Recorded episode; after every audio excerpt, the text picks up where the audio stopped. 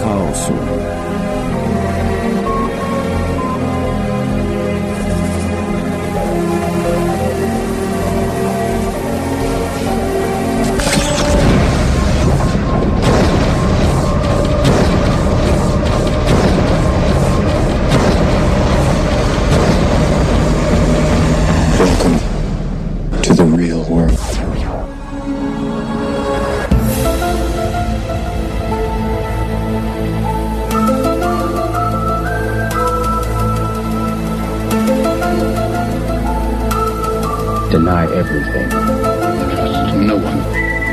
Truth is out there.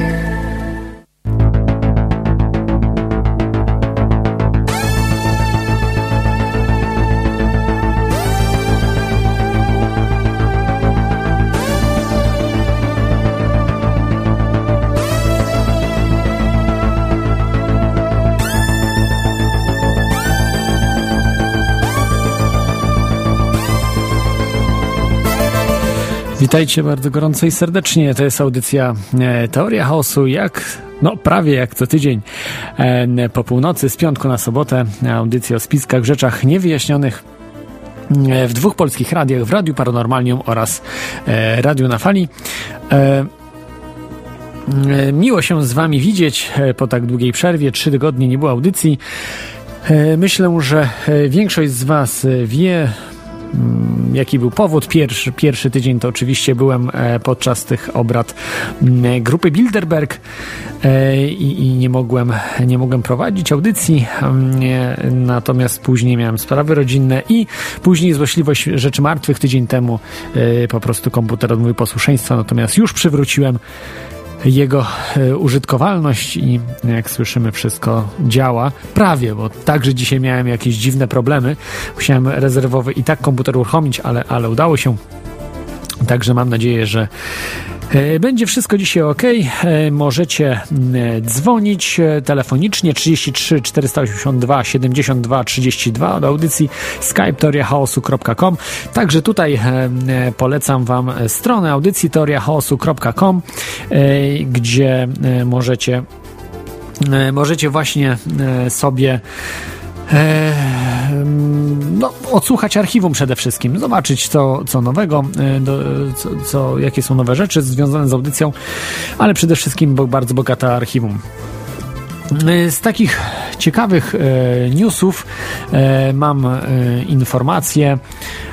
Właściwie dzisiaj dużo newsów nie przygotowałem, bo e, gdzieś te zbierane przez tyle tygodni, tyle tych newsów, że, że gdzieś mi po prostu zaginęły.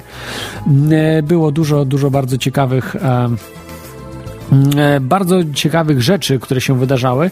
E, powrócę do nich. E, jedna mi- między innymi była o e, chemtrails, że mainstreamowe media zaczynają mówić o e, smugach chemicznych oficjalnie, że e, w przyszłości planuje się właśnie walczyć z globalnym ociepleniem za pomocą geoinżynierii. Nie, że walczymy już, że naukowcy walczą, że już świat walczy z tym właśnie w taki sposób, ale przygotowują ludzi, że w przyszłości będziemy walczyli. Już jest wgranie po prostu ludziom w polskich mediach, w polskich mediach mainstreamowych, także to nie to, że za granicą. Za granicą to oczywiście od dawna tego typu rzeczy są, natomiast e, w polskich mediach jest to e, dosyć nowa sprawa. Na, nie, w, absolutnie nie w tonie prześmiewczym, tylko że jest to dopuszczalne, ale no dzisiaj no absolutnie nie, to jest, to jest wariat. Ktoś mówi, kto, że ktoś to robi, to jest wariatem. Ale w przyszłości będzie to można oczywiście robić. Em, rozmawiałem z niektórymi ludźmi na temat e, na przykład chemtrails, jest to absolutnie niedopuszczalne. Większość, 99% ludzi e, na Ziemi uważa, że to jest bzdura, absolutnie coś takiego nie jest możliwe. E, Samoloty nie można w ogóle sterować pogodą, a jeżeli już to bardzo, bardzo prosty sposób. Od lat 60. się nic nie zmieniło, tylko potrafimy rozpraszać chmury za pomocą jodku srebra. Nic więcej nie potrafimy robić.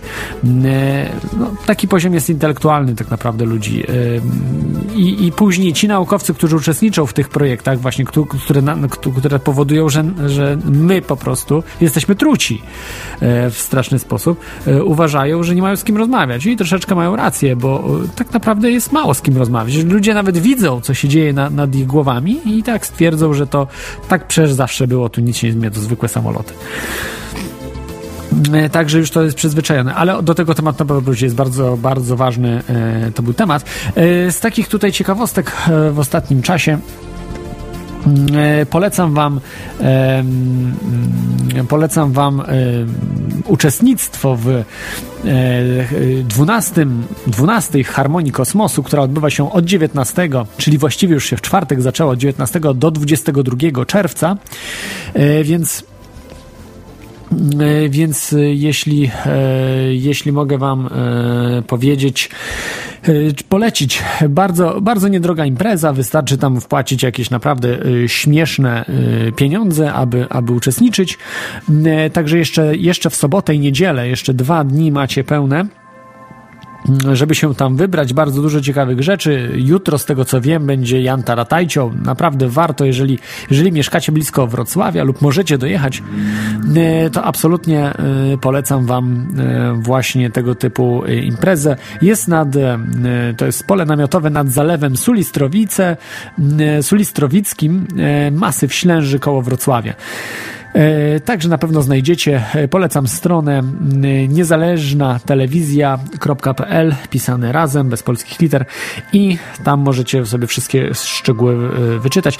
Co ciekawe jest, no, przedstawiciele są Radio na Fali, także tutaj pozdrawiam bo wiem, że, że chyba kapitan Radia na Fali tam miał być. Być może jeszcze inni ludzie, być może niektórzy z Was też tam są y, i słuchają.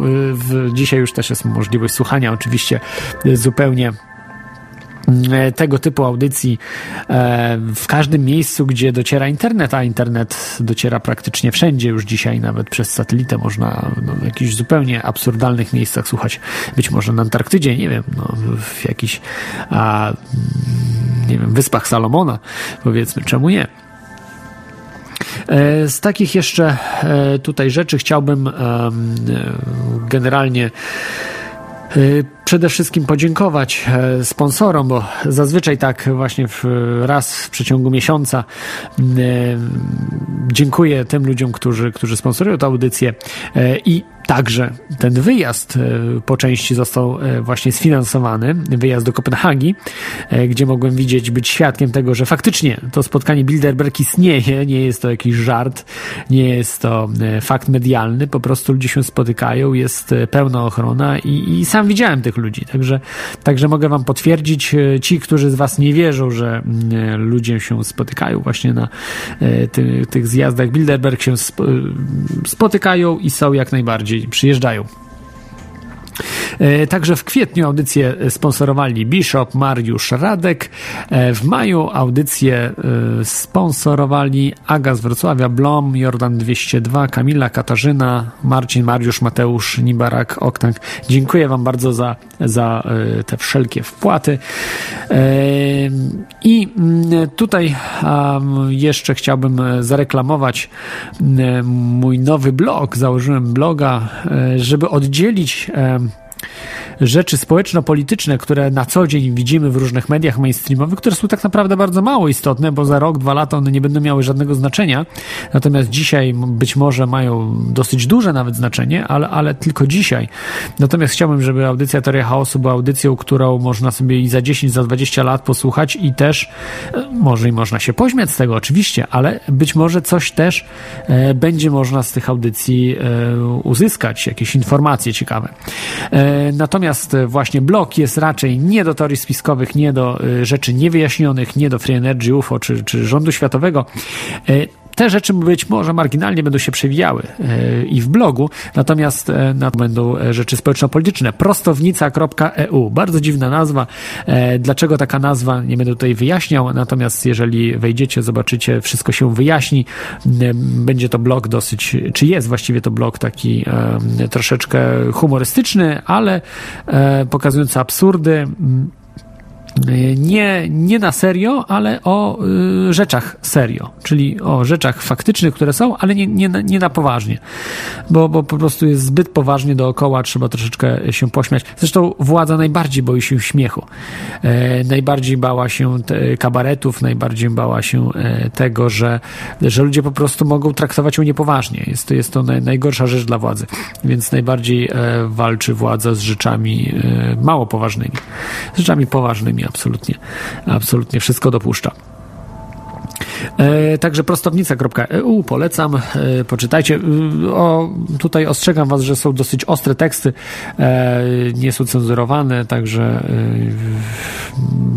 jak ktoś, ktoś nie lubi ostrzejszego języka, także nie polecam. E, i e, to chyba by było dzisiaj e, z newsów e, na tyle.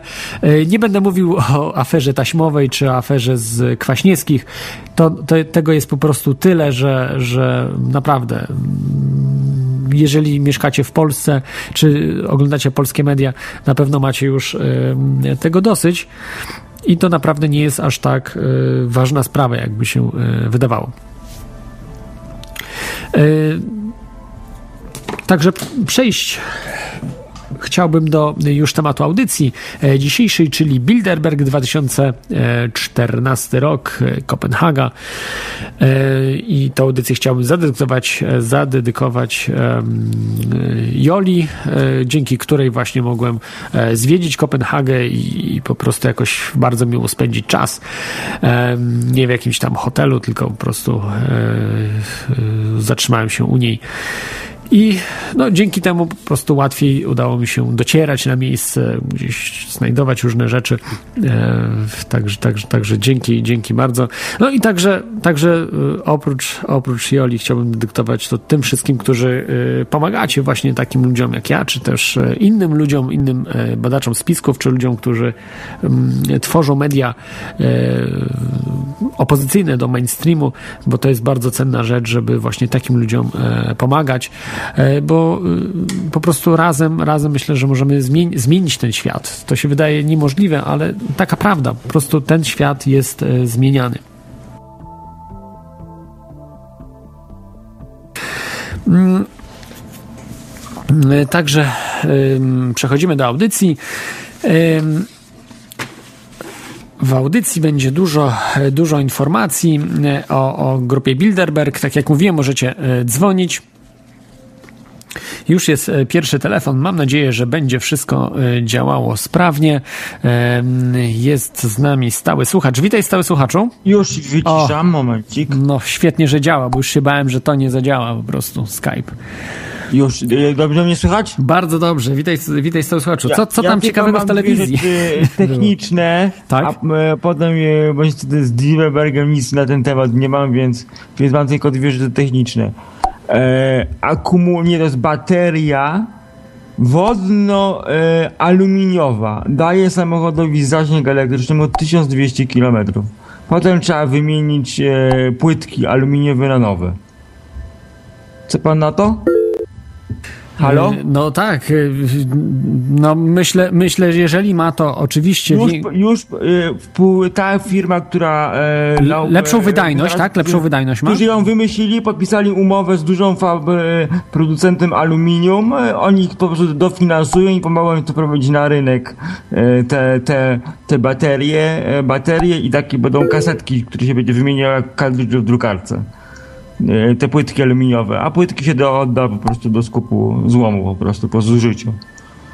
I jeszcze do tego trzeba wodę dystylowaną, e, wodę się po prostu wlewa i na, na, zachodzi reakcja na katalizatorze e, i produkuje prąd.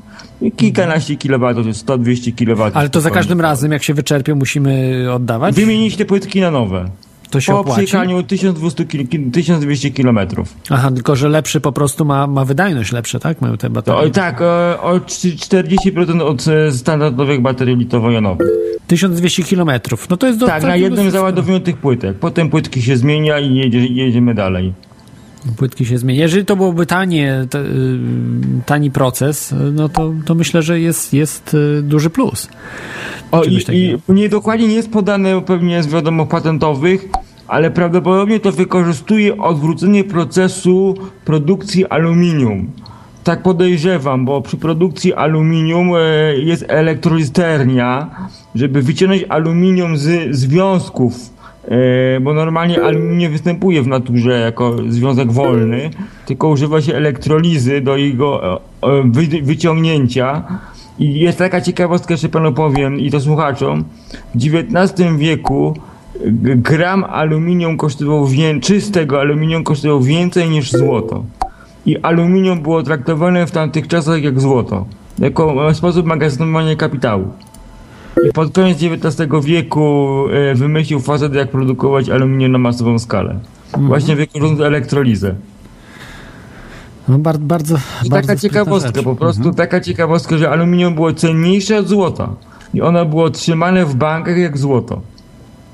To było tak drogie.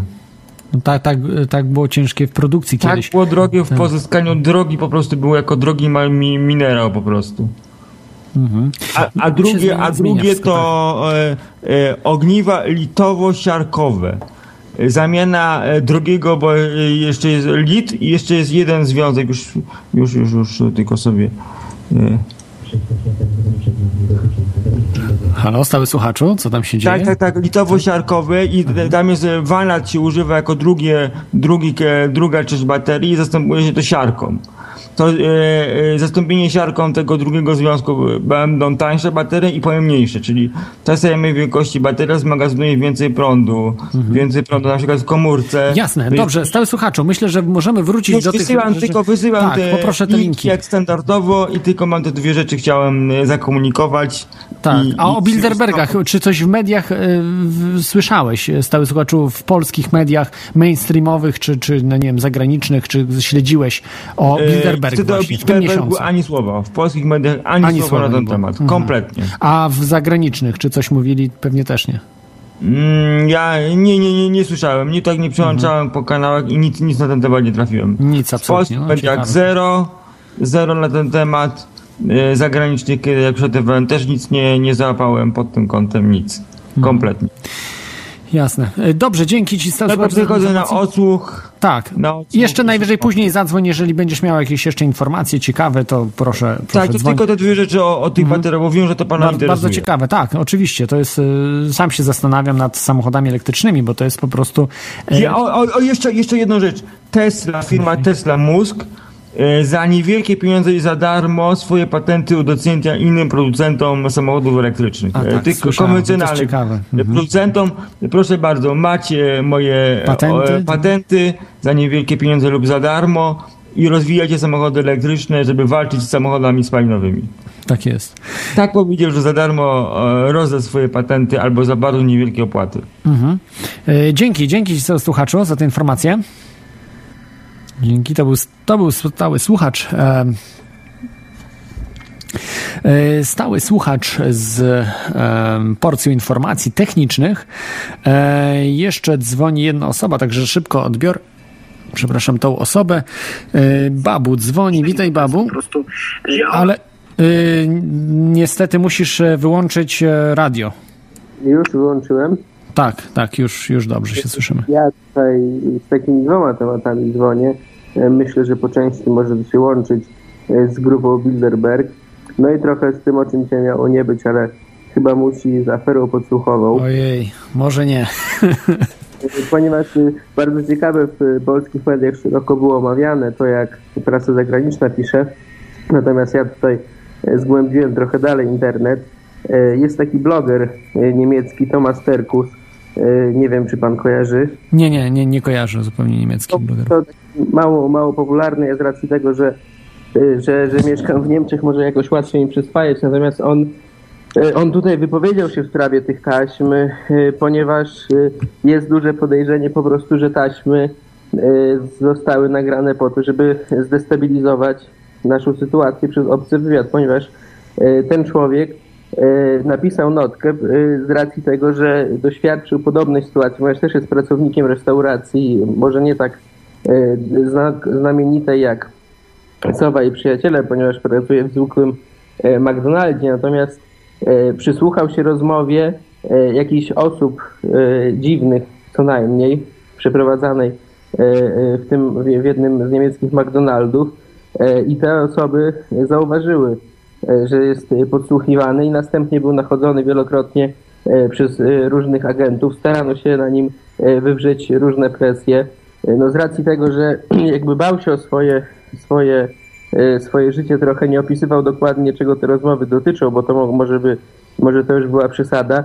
E, Natomiast ewidentnie mówił, że część, część z tych rozmawiających, ponieważ z tego co pamiętam było ich chyba trzech albo czterech, e, mówiła w języku rosyjskim E, i działo się to zaraz po Majdanie, więc moim zdaniem tutaj moje takie wnioskowanie, on tego wprost nie mówi, e, że być może e, grupy, jakieś oddziały rosyjskie próbują zdestabilizować sytuację w Europie Zachodniej. No i tak pomyślałem, że z racji tego, że grupa Bilderberg się spotyka jako te największe szychy z gospodarki, być może i e, No, na po, tym polityki też, wojska, nie, nie tylko gospodarki, mediów też oczywiście.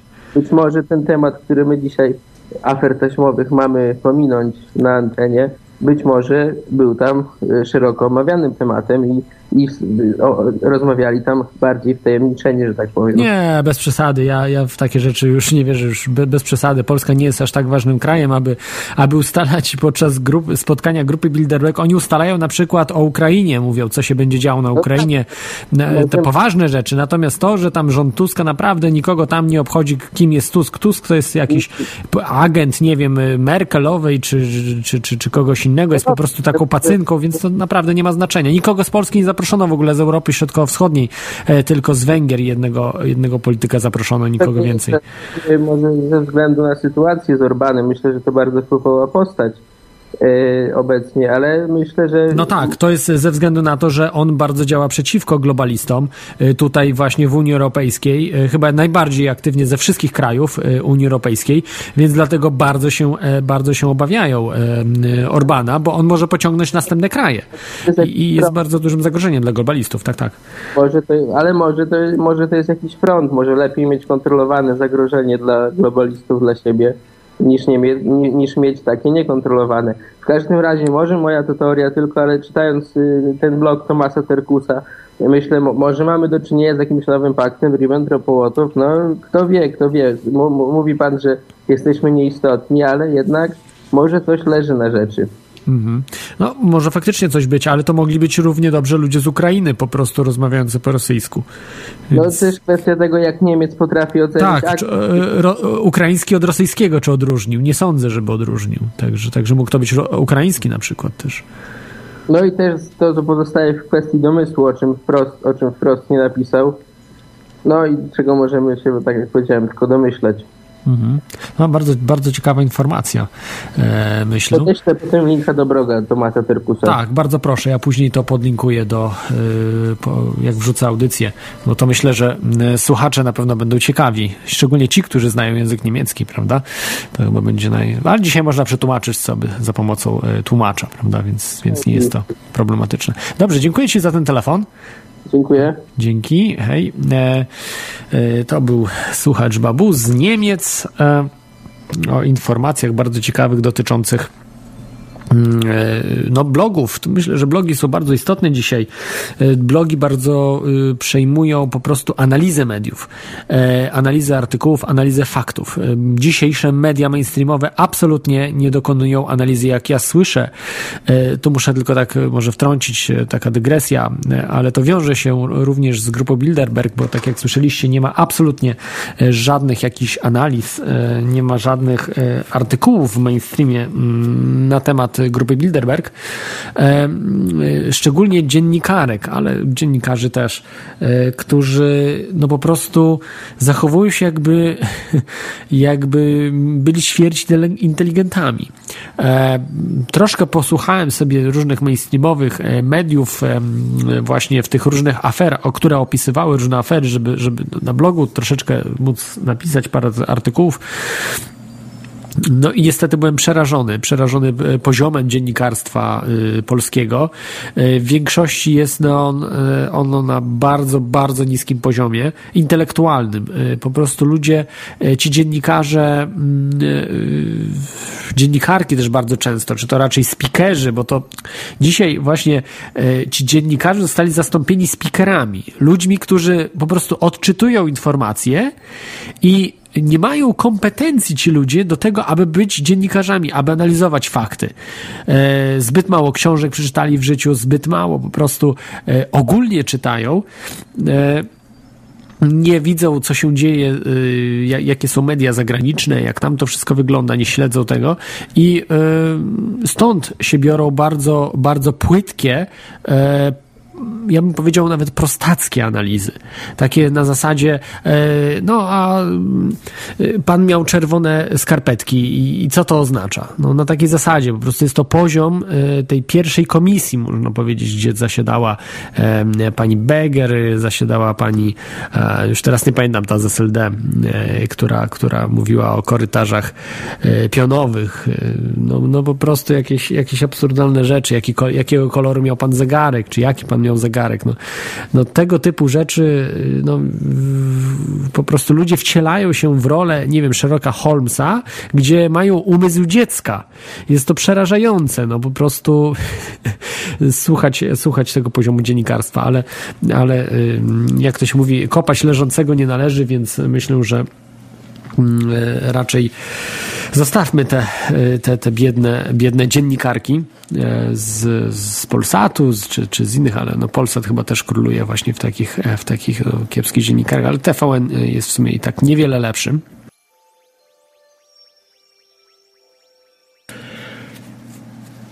O, tutaj podpowiada mi e, na czacie Lolalu, że e, Błochowiak jest to um, Anita Błochowiak chyba z SLD. Nie wiem, czy ona jeszcze funkcjonuje, ale, ale kobieta, która wydaje mi się, że miała poniżej 100 IQ, no tak się też zdarza.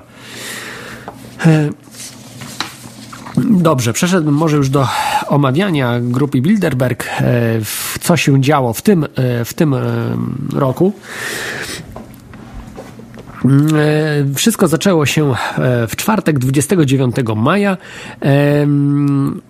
Skończyło się w niedzielę 1 czerwca e, i można powiedzieć, że mm, organizatorzy pojawili się już w środę 28 maja i zaczę, zaczęto po prostu przygotowywać wszystko już e, 28 maja.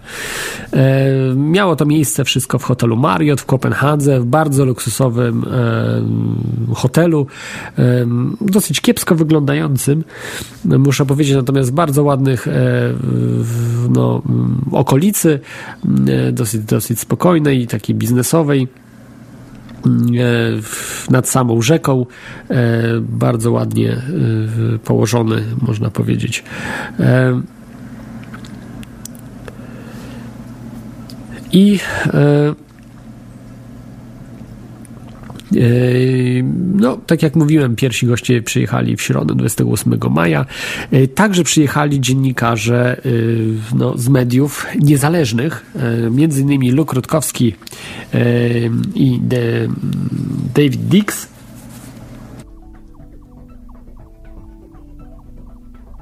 Przepraszam, Dan Dix, nie David, tylko Dan Dix. Dan Dix z e, takiej strony, e, czy portalu pressfortruth.ca a Luke Rutkowski e, z pochodzenia, e, Amerykanin polskiego pochodzenia e, z portalu We Are The. E, I tych dwóch e, panów po prostu, e, można powiedzieć, zaorało Bilderbergów, zrobili takie show. W środę przyjechali, zaczęli, zaczęli kręcić filmy z organizatorami. Oczywiście organizatorzy twierdzili, że tam mają imprezę urodzinową, na co, na co właśnie Luke Rutkowski z Danem Dixem mówili, a, a gdzie macie balony? I ten zaczęli potem pytać się, a czy nie jesteście przypadkiem organizatorami? Tam były same kobiety, organizatorami, czy organizatorkami tej, tych obrad grupy, spotkania grupy Bilderberg, na co po prostu szaleńczo odpowiedziały, że nie, no jedna tak taką kiepską była, no, czy można powiedzieć, agentką bo, bo, bo przecież kłamała, e, no, no po prostu dzieci nada kompletna, widać było od razu, że, że, że kłamią. E, I, i to wyszło, bo później na, na filmie e, widać było, jak one, one po prostu no, gdzieś tam po tym hotelu krą, krążyły w późniejszych dniach, więc absolutnie tam nikt nie mógł być ktoś postronny, ktoś, kto sobie organizował jakieś przyjęcia urodzinowe właśnie w tą środę, więc e, z wyglądu były to zupełnie normalne kobiety, ale podejrzewam, że, że to już e, były mm, no, wysoko postawione w tym sensie, że Mm, tak jak Wam wspominałem o tym e, w tych audycjach, które, które były trzy tygodnie temu na żywo z Kopenhagi, że pracowników i organizatorów biorą z, z korporacji Bilderbergowie. Tam absolutnie wymieniają wszystkich w tym hotelu w Mariocie. Absolutnie od od y, na- najniższego jakiegoś, nie wiem, y, portiera, sprzątacza, czy, czy y, jakichś pokojówek, po, y, po organizatorów, ochronę, wszystko jest wymieniane na pracowników Bilderbergów. Tam nie ma prawa zasiadać nikt, kto jest z zewnątrz. I tak jak Wam wspominałem, że e, właśnie te, te kilka tygodni temu, że, że mm, znam osobę, która, e, która była w tym czasie. E, Nie jest nikim, nikim ważnym, ale po prostu jest, e, pracuje w korporacji, jest dosyć młodym człowiekiem. E, Znam jego imię, nazwisko, ale oczywiście zachowuję dla siebie.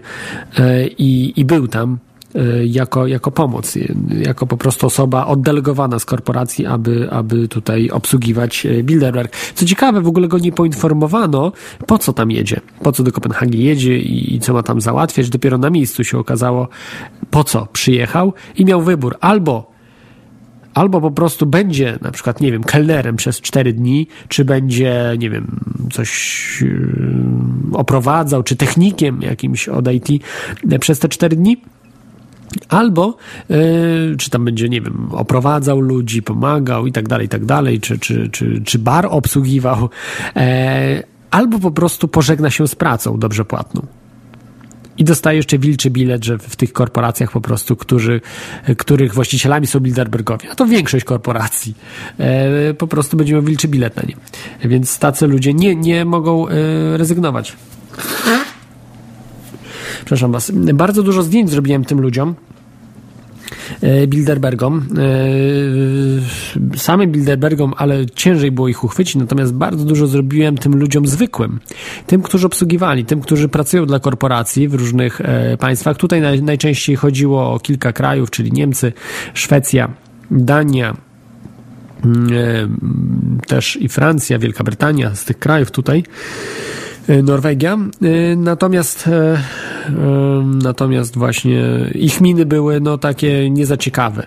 Po prostu czuli się bardzo źle. Widać było po nich, że nie, nie, byli, nie byli zadowoleni z tego, że, mm, że, że, że właśnie w taki sposób Bilderbergowie ich potraktowali. Poza tym też jest tak, że tych, tych młodych ludzi, którzy, któ- których właśnie Bilderbergowie zatrudniają do tych prac przynieś, wynieś, pozamiataj, bardzo źle traktują. E, Traktują ich jak, e, no, jak niemalże niewolników. Tak jak to miało miejsce, nie wiem, tysiąc lat temu, czy dwa tysiące lat temu, czy e, z historii znamy, prawda, jakie to były czasy, czy też XIX czy XVIII wieku, prawda, bo jeszcze niewolnictwo wtedy kwitło. Tak w Europie, jak i, jak i w, w, w Ameryce. No w Europie troszeczkę to nie było tak do, do końca, ale, ale, ale też można powiedzieć, że pańszczyzna no, to też ni- nic innego jak system niewolniczy, więc, więc to nie, nie było e, nie, nie było aż tak potężnych różnic w tym względzie. Także tak wyglądało to, e, to zatrudnianie. No, Luke Rutkowski i Dan Dix, e, właśnie ci e, dziennikarze, niezależni dziennikarze obywatelscy, oni, oni pojechali na lotnisko, także próbowali filmować, natomiast zostali aresztowani i musieli odsiedzieć chyba z 10 godzin. Siedzieli na więzieniu. Także w areszcie właściwie, nie w więzieniu, w areszcie, ale w dosyć takich e, izolatkach, więc, więc trochę psychicznie ich próbowali zmęczyć, ale na szczęście nie wykasowali nic e, właśnie z materiałów, które nakręcili e, o dziwo. E, e, Policjanci, także, także dużo, dużo tych materiałów zostało. Może powiem z mojej strony, jak ja to wszystko widziałem, bo widziałem to z, e, dosyć e, dobrze. E, jak, jak to po prostu wszystko widziało. I, no, zorganizowane było to dosyć dobrze. Płot, wsz- wszystko było ogrodzone. To śmiesznie wyglądało, bo, bo odgrodzili się od całego świata e, trzymetrowym płotem ci Bilderbergowie i e, zauważyłem jedno, to też później się troszeczkę okazało, ale, ale już w trakcie, że oni nie odgrodzili się od społeczeństwa, że się boją po prostu y, społeczeństwa, bo się nie boją, bo oni wiedzą, że społeczeństwo jest nieaktywne, oni w ogóle żadne media nie mówią o tym, ludzie w ogóle nie, nie wiedzą o tym spotkaniu, nawet nie znają z twarzy tych ludzi, którzy tam się spotykają. Nie odgrodzili się e, jako osoby, oni, bo oni się nie, boją, nie, nie, nie, bo, nie bali się, żeby, żeby to, to było e, w taki sposób robione, ale bali się, żeby ta informacja, te rozmowy, które miały miejsce właśnie podczas obrad e, grupy Bilderberg, wydostały się gdziekolwiek i kiedykolwiek.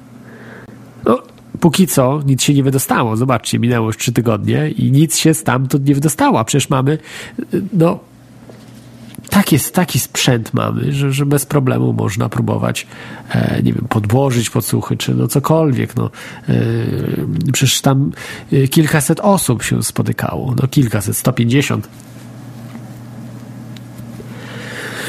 I żadna nie nagrała nic, nic nie opublikowała, nic nie powiedziała nawet. Absolutnie nic. Wszyscy milczą jak grób. Tak jest od 1954 roku. Czyli od 60 lat. Jak możemy łatwo zauważyć. 60 lat minęło. E, tak, e, 60 lat minęło i dalej nic się nie zmienia. Zmienia się tylko to, że jest technika dużo bardziej dostępna, dużo łatwiej dostępna, ale nic się nie, nie, nie, nie Przecież mogliby nagrać to ludzie, którzy tam byli, albo coś puścić farbę. Ci, którzy tam pracowali, ci młodzi ludzie, ja mam ich na zdjęciach, mam kilka, kilkanaście, czy nawet więcej niż kilka, no z kilkanaście na pewno, ale może, może już kilkadziesiąt tych osób, które usługiwały Bilderbergom i żadna z nich także nic nie mówiła, co tam było. Bo dla nich y, zarobek, nie wiem, 20 tysięcy euro rocznie, czy 30 tysięcy euro rocznie jest y, większą wartością niż, y, niż to, że powiedzieć o tym, bo oni nie mają tej świadomości też ci ludzie, którzy pracują na tych niższych stanowiskach w korporacjach, bo no im po prostu system już trochę wyprał mózg. E, Dla nich najważniejszą rzeczą jest, żeby mieć dobry samochód, mieszkanie, nie wiem, ładną żonę, czy, czy, czy fajnego mm, super męża. I to jest dla nich najważniejsze. E, Najważniejsza jest taka, można powiedzieć, fizyczna otoczka życia. E, Duchowa e, otoczka dopiero być może przyjdzie później, e, z wiekiem, nie wiem, no, trudno powiedzieć, ale, ale raczej e, ci młodzi ludzie no, nie wydają się, że e, żeby mieli e, właśnie mm, e, tego typu e, duchowe jakieś potrzeby. A jeżeli już mają, to najczęściej zaspokaja je kościół, jeden, czy drugi, czy trzeci i nie dyskutują z tym, po prostu chodzą do kościoła. Jest to zupełnie pusta wiara, e, bo wiara bez zrozumienia tego, y, kim jesteśmy w życiu i co robimy, że nasze czyny mogą szkodzić innym ludziom, a mogą, możemy też po prostu pomóc w czymś, y, no powoduje to, że ta wiara jest pusta, bo jeżeli nie rozumiemy, po co jesteśmy na tym świecie, no to, to taka religia czy wiara nie ma sensu.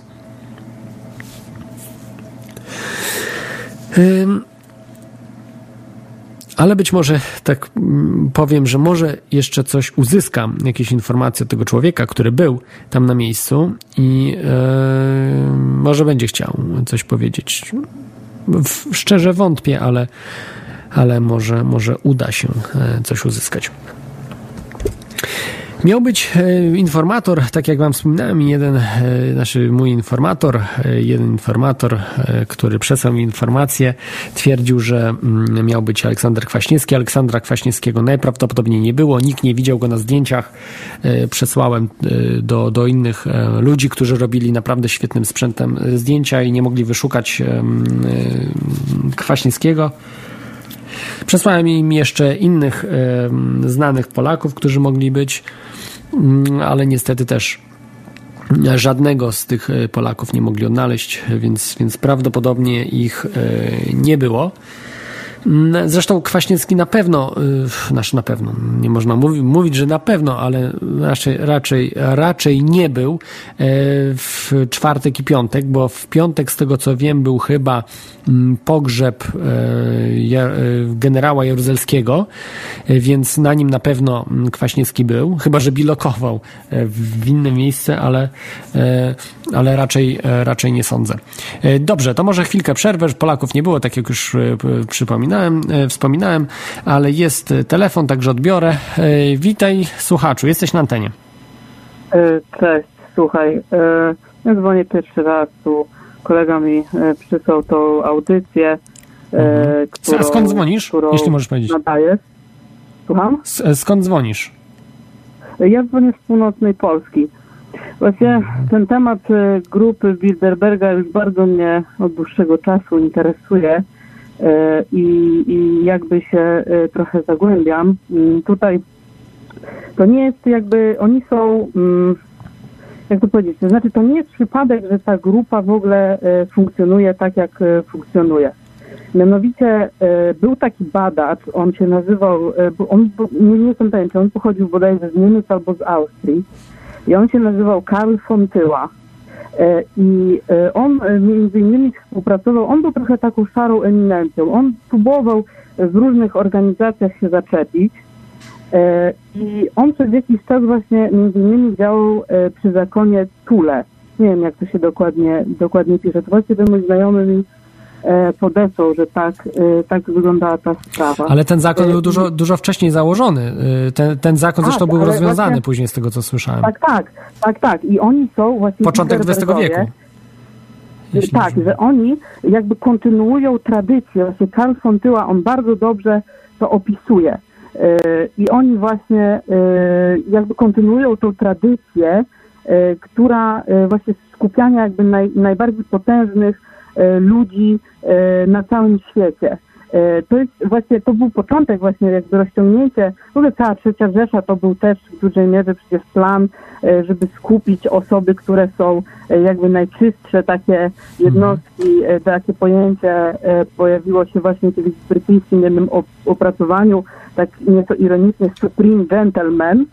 E, i właśnie e, takich ludzi oni wyszukiwali i takich ludzi chcieli skupiać. I właśnie Bilderbergowie, oni są jakby w prostej linii spadkobiercami od tych y, zakonników. Właśnie znajdźcie sobie takiego właśnie naukowca Karla von Tyłę i to jest właśnie e, to jest właśnie klucz. Ja już muszę kończyć, bo ja mam tutaj, e, że tak powiem, e, u siebie znajomych. E, Wpadłem tylko na moment, chciałem pogratulować. Właśnie, fajnie, fajnie, fajna audycja. Dzięki, Będę dzięki. Tak, to, to, jest, to jest chyba prawdą. E, To już nie będę ciebie trzymał, także dzięki, dzięki słuchaczu za te informacje. Żaden problem, cześć. Dzięki, hej. E, czyli pan e, Tyle, tak? Pan e, właśnie Austriak, który y, który właśnie mówił o tych, y, o tych sprawach, opisywał. Y, To jest też y, być może mm, y, ważny fakt, że y, założycielem grupy Bilderberg był, były SS-man. Y, Były wysoko postawiony SS-man, tak, tak naprawdę mm, mm, SS właśnie wywodzi się z organizacji Tule. SS-man, który no, nazywał się ksią, książę Bernard. E, Był szefem, czy współwłaścicielem, a- później właścicielem e, koncernu Shell, e, potężnego kon, koncernu Dutch Shell mm, no, y, miliardowego y, generalnie, także, także to wszystko y, było kontynuowane. Ten książę Bernard, nasz SS-man.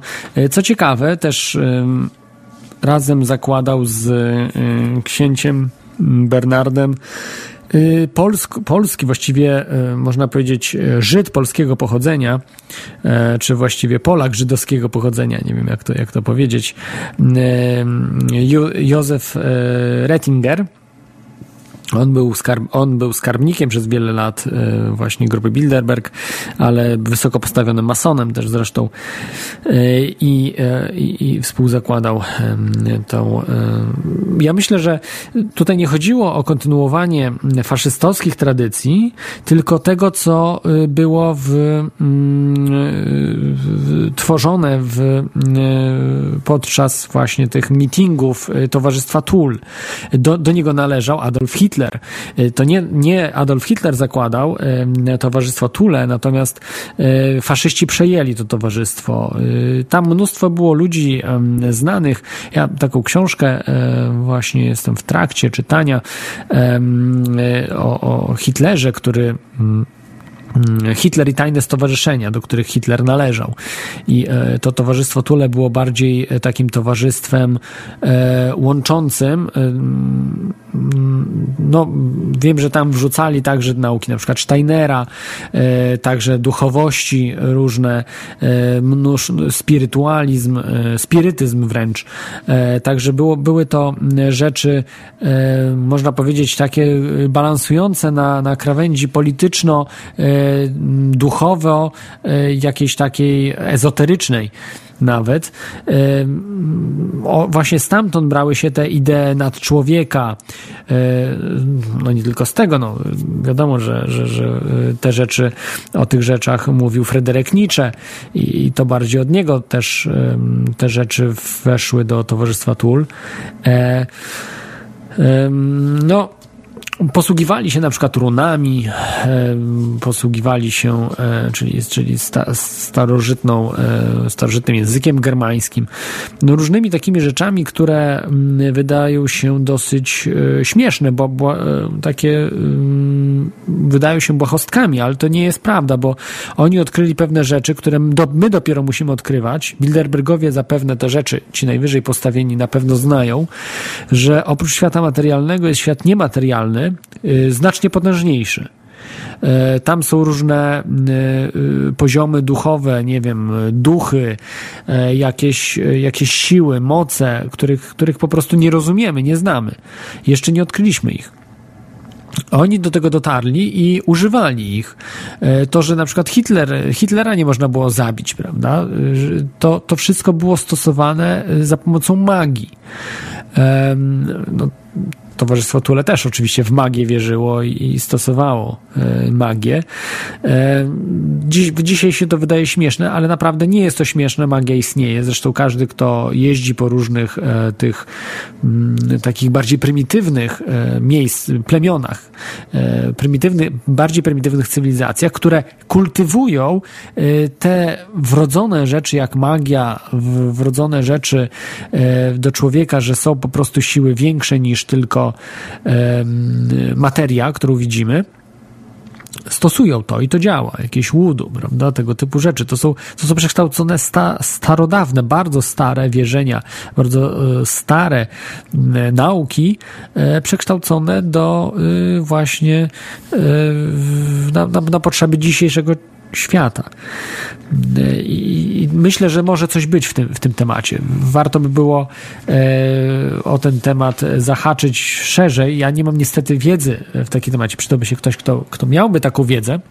Także zapraszam, może ktoś z Was e, mógłby więcej powiedzieć o towarzystwie na przykład TUL. E, Tule, Tule chyba się e, wymawia, bo to Tule e, się pisze po niemiecku. E, I e, no, to, jest, to jest bardzo ciekawa sprawa. E, no, niestety, nie wiem, czy do wszystkich już to, ta informacja dotarła, bo bardzo często zadajecie mi pytanie o Marcina Dachterę, co się dzieje. Naprawdę nie mam pojęcia zielonego, nie mam pojęcia, co, co jest nie tak. Próbowałem się wiele razy z nim skontaktować, nie ma żadnego odzewu. Także ze znajomymi Marcina Dachtery próbowałem się kontaktować i, i nie miałem po prostu, no, oni także nie, nie odpowiadają. Nie wiem, co się dzieje. No podejrzewam, że po prostu albo został zastraszony, no, bo usunął też, tak? Usunął swojego bloga i materiały. On się tymi rzeczami zajmował, z tego co wiem, ale, ale właśnie nikt, prawie nikt w Polsce więcej się tym nie zajmuje. Być może Igor Witkowski trochę, ale, ale też raczej chyba nie aż tak dogłębnie. Trudno mi powiedzieć w tym przypadku. Dobrze, zostawmy może Towarzystwo Tule, y, te, te sprawy y, ezoteryczno, y, właśnie mistyczne z, z czasów przed naszych dwudziestowiecznych Niemiec i III Rzeszy, też między innymi. I przejdźmy do obrad grupy Bilderberg. Co tam się działo? Tak naprawdę nie wiemy, co tam się działo, bo wszystko było zamknięte. E, e, generalnie e, nie można było wejść, mało tego, policja nie mogła wchodzić do hotelu, e, która ochraniała. Nikt nie mógł wchodzić do hotelu oprócz ludzi, którzy mieli przepustki. E, przepustki mieli ochroniarze, mieli pracownicy, tak jak mówiłem, pomoc hotelowa, czy tam jakieś hostessy i tak dalej, i tak dalej mieli, miał, mieli też organizatorzy, no i Bilderbergowie. E, byli też e, ludzie od IT, różni specjaliści. Podejrzewam, że ci ludzie od IT byli ludźmi, którzy zakładali podsłuchy, podsłuchy, ale o tym na koniec jeszcze, jeszcze sobie powiemy, bo uważam, że to wszystko było nagrywane absolutnie, tylko że do po prostu Bilderbergów, dla Bilderbergów. Ale mogę się mylić. Może, może niektórzy twierdzą, że to były zakłócaczki, żeby zakłócać nagrywanie. Możliwe. No, nie, wiem, nie wiem, która wersja jest bardziej prawdopodobna, ale, ale y, no, równie dobrze myślę, że, że mogli nagrywać, aby mieć haki bo tak się robi po prostu. Nie nagrywa się po to, żeby po prostu sobie później oglądać i ryzykować, że ktoś może, może coś stąd wypłynąć, tylko przede wszystkim, żeby mieć haki na kogoś, żeby robić archiwum i y, umieszczamy te y, w tym archiwum po prostu wszystkie rzeczy na ludzi, którzy przyjeżdżają do Bilderberg, mówią o różnych rzeczach, uczestniczą w bardzo niewygodnych dla nich dyskusjach y, i to po prostu y, jest nagrywane i można zawsze takiego człowieka gdzieś tam spalić, jeżeli by naprawdę zaczął mocno y, przeciwdziałać y, globalistom. No, mógłby ktoś to po prostu nagle się zerwać z tej smyczy.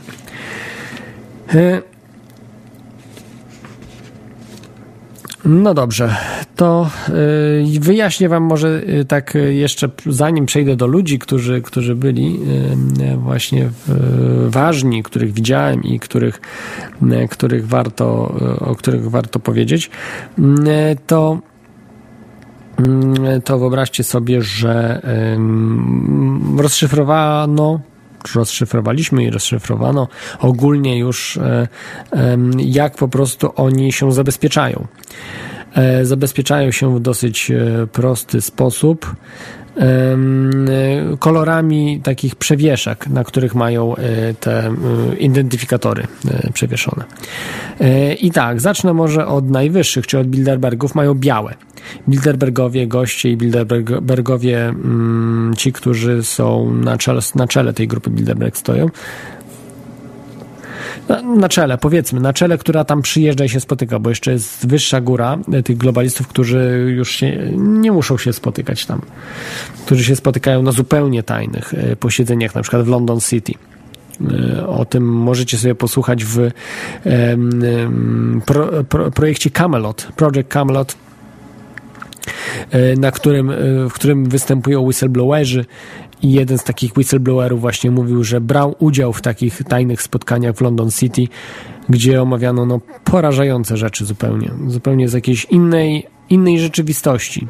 Tam spotykają się najwyżsi ludzie y, władzy, nie tylko Wielkiej Brytanii, ale także i ludzie z Watykanu przyjeżdżają i ludzie z innych różnych miejsc. Londyn po prostu jest centrum finansowym świata, nie Nowy Jork. Niektórzy mieszają te rzeczy, mylą. E, Centrum finansowym świata jest Londyn. Wszystko przepływa y, przez Londyn.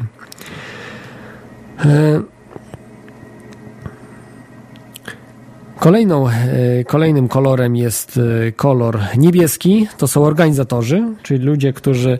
e, Organizatorzy w tym sensie to są tak jakby wyższy, wyżsi rangą no, pracownicy te, tego, tego Bilderberga.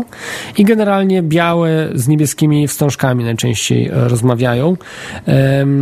Jeżeli już, najczęściej oczywiście Bilderbergowie ze sobą rozmawiają, natomiast czasem jeszcze mogą zamienić słowo z organizatorami i wyższymi ochroniarzami. Też wyżsi rangą ochroniarze mieli, mieli też niebieskie. E, zwykła ochrona miała czerwone i miała ograniczony dostęp do budynku. Mogli oczywiście wchodzić, ale no, nie mogli chodzić po hotelu generalnie, tylko mogli, e, chociaż trudno powiedzieć, bo tak, tak się po prostu wydaje, że oni raczej na zewnątrz budynku chodzili. Widać było, że, że oni raczej tak na zewnątrz mm, więcej, e, czy, czy gdzieś na parterze, bo cały czas, cały czas gdzieś w pobliżu mm, byli parteru. A muszę powiedzieć, że to był duży hotel, bardzo duży, nie wiem, na, na, na, na setki pokoi, em, setki pokoi i em, no, z 10 pięter chyba miał co najmniej. Mi się wydaje, że jak nie więcej. Mógł mieć więcej niż 10 chyba. Mógł mieć więcej. Już nie pamiętam. Mam na zdjęciach, także e, można policzyć, jak ktoś chciałby. Em, Także, także mm, czerwony, tak jak mówiłem, o zwykli ochroniarze. Mm, Zielony to są hostessy, bellboye, ludzie właśnie, którzy pracują na, na kuchni, czy, e, czy, czy też przygotowują można powiedzieć, e, przygo- przygotowują jakieś drinki, powiedzmy. E, I jeszcze fioletowy, e, fioletowe wstążki to są ludzie IT, techni- techniczni. Mm, I, to chyba wszyscy. Z tego co wiem, kierowcy mieli niebieskie. Z tego, co mi się wydaje, z tego, co pamiętam, to kierowcy mieli niebieskie mm, wstążki, czyli tak jakby byli lepiej, wyżej traktowani niż zwykli ochroniarze czy, czy pracownicy. Zwykli. Także taka, takie ciekawostki i to podobno już od kilku, na pewno od kilku lat właśnie to stosują tego typu rzeczy. Być może wypracowali już w tym, tym dłuższym okresie właśnie tego typu yy, yy, opracowali tego typu e, zachowania. E, tak już patrzę, ale chyba, chyba strasznie się rozgadałem, bo nie, jedna godzina jest, także tu się e, myślałem, że już dwie godziny rozmawiam, ale godzinę, także mm, czas jest dosyć dobry. Przypominam, że możecie dzwonić, to jest audycja Teoria Chaosu. O, dzisiaj rozmawiam o Bilderberg 2014 e, oczami moimi. Tam, gdzie byłem, e, właśnie w Kopenhadze, e, w, pod koniec maja. Telefon 33 482 72 32 to jest e, telefon do audycji, plus 48, jeżeli dzwonicie z zagranicy, lub skype toriachaosu.com aby się połączyć z audycją. I mm, na miejscu były dwie ekipy z Polski, to znaczy w mojej osobie jedna ekipa, w mojej osobie i e, Joli, e, która e, pomagała mi właśnie w, realizacji materiałów. I z Polski jeszcze była ekipa z prisonplanet.pl. Chciałem właśnie, żeby wystąpił na żywo. Niestety wystąpił na żywo Krzysiek, jeśli dobrze pamiętam. E, Tomek, przepraszam. e, Tomek e, z PrisonPlanet.pl, ale niestety jest bardzo zajętym człowiekiem e, i no, nie udało się w każdym razie. On tam był, miał bardzo dobry sprzęt.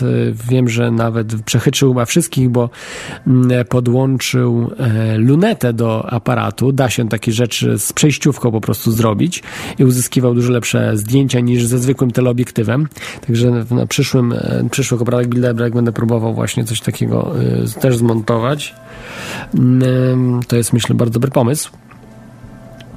Także dwie ekipy, ja, tam na miejscu byłem, y, widziałem tych y, Bilderbergów, nie wszystkich oczywiście, ale, ale dużą część y, z Bilderbergów y, no, mm, widziałem. Były też inne media, e, które zagraniczne. Z mainstreamowych mediów było duńskie radio, ale to tylko tak jeździli generalnie, tam nie robili żadnych materiałów, nie widziałem, żeby jakieś wywiady robili czy coś, tylko jeździli tym samochodem na chwilkę i porobili kilka zdjęć, tam może kogoś nagrali, może nie i pojechali z powrotem. Nie było żadnej, nie widziałem telewizji mainstreamowej, żadnej, widziałem jedną, e, to znaczy mm, mainstreamowa telewizja jedna była, ale e, to nie wiem, czy to była, nie, nie, nie, była to telewizja ze sprzętem, ale tak trochę incognito. To była RT, czyli Russia Today, no, telewizja typowo rosyjska, zagraniczna, rosyjska eksportowa telewizja Rosji. Mm. Więc te mainstream, media mainstreamowe były. No, no, jeżeli nazwać Russia Today mainstreamową telewizją. Innych mediów nie było absolutnie. Byli pojedynczy być może dziennikarze, którzy jakieś zdjęcia pojedyncze robili, ale y, raczej, raczej po prostu. Mm, aha, przepraszam. I dla, był dziennikarz Guardiana z, z żoną y, i ona robiła zdjęcia, zdjęcia i y, analizowali. Po, później te zdjęcia on, on przygotowywał artykuł i później w Guardianie pewnie napisał albo nie napisał. Nie wiem, nie czytałem Guardiana, także, także nie, nie pamiętam, czy on, się, czy on się ukazał, ale chyba z tego co wiem, mm, miał się ukazać. Muszę to sprawdzić, także wybaczcie, bo akurat o tym zapomniałem, żeby sprawdzić, czy się artykuł okazał. On jest tak ten dziennikarz pomiędzy, powiedzmy, pomiędzy nami a czyli, czyli ludźmi, którzy walczą z Bilderbergiem, a, a no mainstreamem, tak, no, bo stamtąd ma pieniądze, więc, więc nie jest, ale dobrze, że coś jest. To jest tak naprawdę jedyne medium, które opisuje te rzeczy.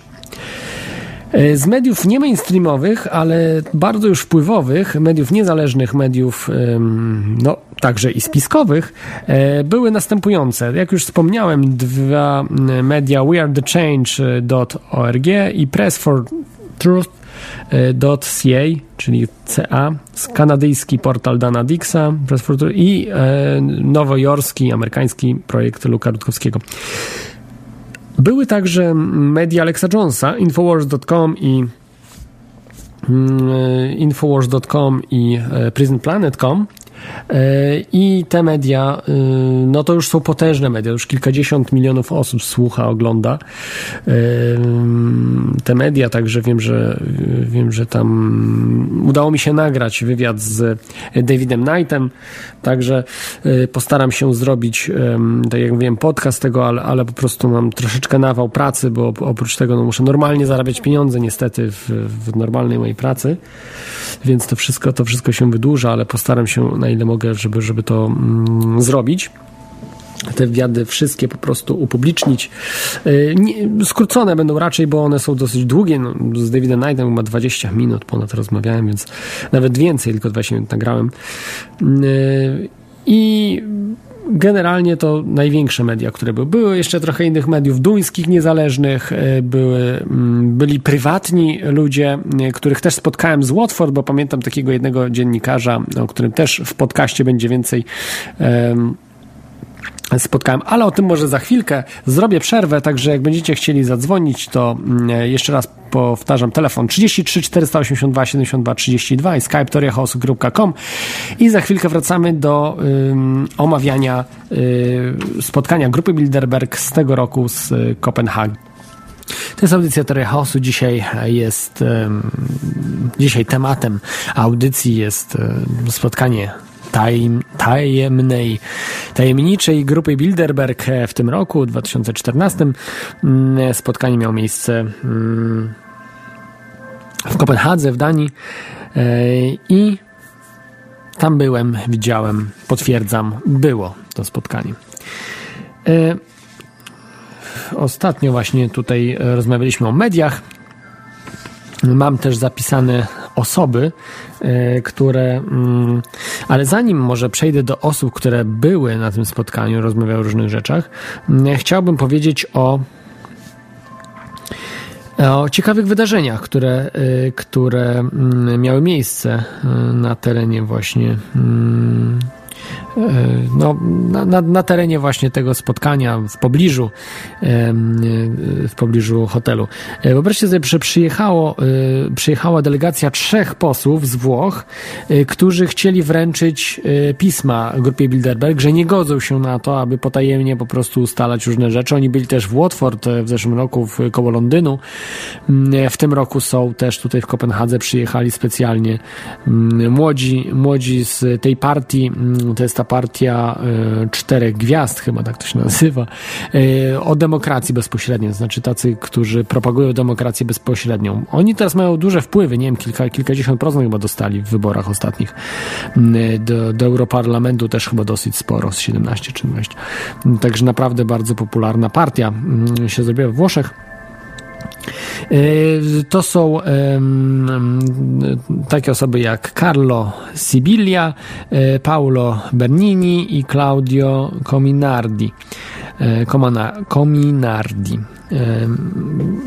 Nie udało im się wręczyć. Oczywiście Bilderbergowie powiedzieli, że no, nie uprzedzono ich o tych rzeczach, więc, więc po prostu na pewno nie przyjmą tych rzeczy, tego listu, który y, wystosowali, tych dokumentów, które chcieli przekazać ci Włosi y, i, niestety zostali odprawieni z kwitkiem, ale, ale bardzo ciekawie wiem, że media y, gdzieś, gdzieś sfilmowały ich też, no niestety niezależne tutaj te media, bo e, mediów mainstreamowych, tak jak mówiłem, nie było.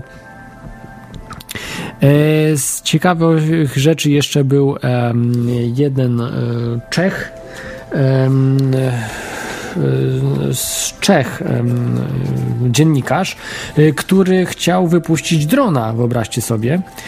No i niestety nie udało mu się, został od razu zatrzymany, zatrzymany i miał no, problemy w tym sensie, że mm, dostał karę, został zaresztowany na 24 godziny i kara chyba wynosiła kilka tysięcy euro, czy tysiące euro, czy coś takiego. Także, także dosyć e, poważne, e, poważne sumy.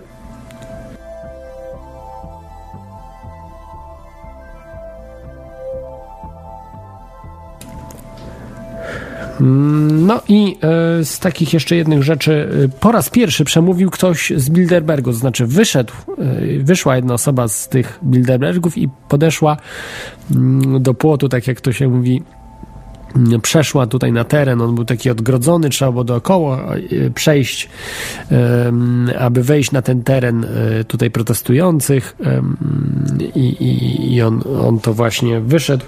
mm, i rozmawiał z protestującymi. Nazywał się, czy nazywa się e, on Diedri- Diederik Samson, holenderski poseł, były członek Greenpeace. E, Dwa razy wyszedł do protestujących w czwartek i w piątek, jeśli dobrze pamiętam, albo w czwartek i, i sobotę. Teraz już dokładnie nie pamiętam, ale, ale mówił, mówił oczywiście te, te, te, gadki Bilderbergów różne, że e, oczywiście mylił. można sobie w internecie zobaczyć, bo są nagrane mm, z nim, z nim te rozmowy.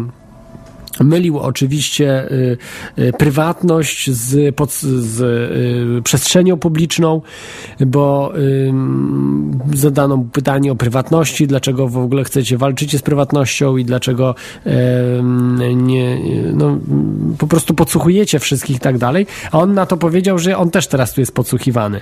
Na, na co mu odpowiedzieli ludzie, ale tu jest przestrzeń publiczna, pan tutaj jest publicznie, tu wszyscy są publicznie, tu możemy się nagrywać, możemy, to nie jest, nie, nie nie jesteśmy w domu gdzieś u kogoś, tak, i nagrywamy e, prze, przez e, jak, jak jacyś paparazzi i tak dalej, tylko tutaj jest przestrzeń publiczna i ten człowiek w ogóle kompletnie nie miał zielonego pojęcia, czym jest przestrzeń prywatna i publiczna, rozumiecie? Człowiek, który zna kilka języków, oczytany, po czte- 40 parę lat, z większość życia spędził na politycznych jakichś synekurach i mm, po świecie jeździł, we wszystkich krajach był. I ten człowiek nie potrafi rozróżniać podstawowych faktów. Podstawowej rzeczywistości. Także albo mu sprano mózg, albo po prostu sam sobie sprał mózg. Nie ma innej możliwości. Albo po prostu jest totalnym kłamcą. No, raczej mi się wydaje, że, że mm, sprał, sprany został mózg. Yy, więc tak to niestety wygląda. No ale dobrze, że wyszedł. Dwa razy wyszedł. Został określony jako rzecznik grupy Bilderberg, bo oczywiście mm, pilnował racji grupy Bilderberg yy, i. Yy, on mówi, że dlatego wychodzi, bo w Greenpeace brał udział yy, i tak dalej, i tak dalej. Muszę wam powiedzieć, że Greenpeace to jest yy, lewa odnoga grupy Bilderberg. Teraz już wiemy po latach. Został, Greenpeace został przejęty przez lewaków i mm, ja to sam widziałem w Polsce, muszę wam powiedzieć, że mm, ludzie, którzy byli związani z e, grupą mm, trockistów e, właśnie mm, e, no, w dużej mierze przejął Greenpeace polski i to, to, to są ludzie, można powiedzieć, niedojrzali czerwoni, tak to wiem, że Korwin Mikke nazywa i tu akurat się z nim zgadzam. Podatek węglowy, wydawało się absurdalna sprawa, został wprowadzony. To jest podatek na grupę Bilderberg, na globalistów. Ten podatek jest dla globalistów. I płacimy go w każdym, w każdym y, kilowa, kilowa, w każdym kilowatogodzinie, w każdej zu- zużytej energii, w każdym litrze benzyny. Płacimy na tych po prostu globalistów. Rozumiecie? To jest tak absurdalne, że niewyobrażalne. Że płacimy za to, że emitujemy dwutlenek węgla. To jest, no ale co zrobić? Tak, tak to wygląda. Y, Jest z nami e, Babu. Witaj Babu jeszcze raz. No, witam. E, Dzwonię z takim pytaniem, ponieważ słucham audycji e, i troszkę też nie ukrywam, że poczytałem w tym czasie w internecie na temat grupy i zastanawia mnie jedna rzecz. Jaką rolę odgrywa to, że grupa działa tak naprawdę w bardzo jawny sposób?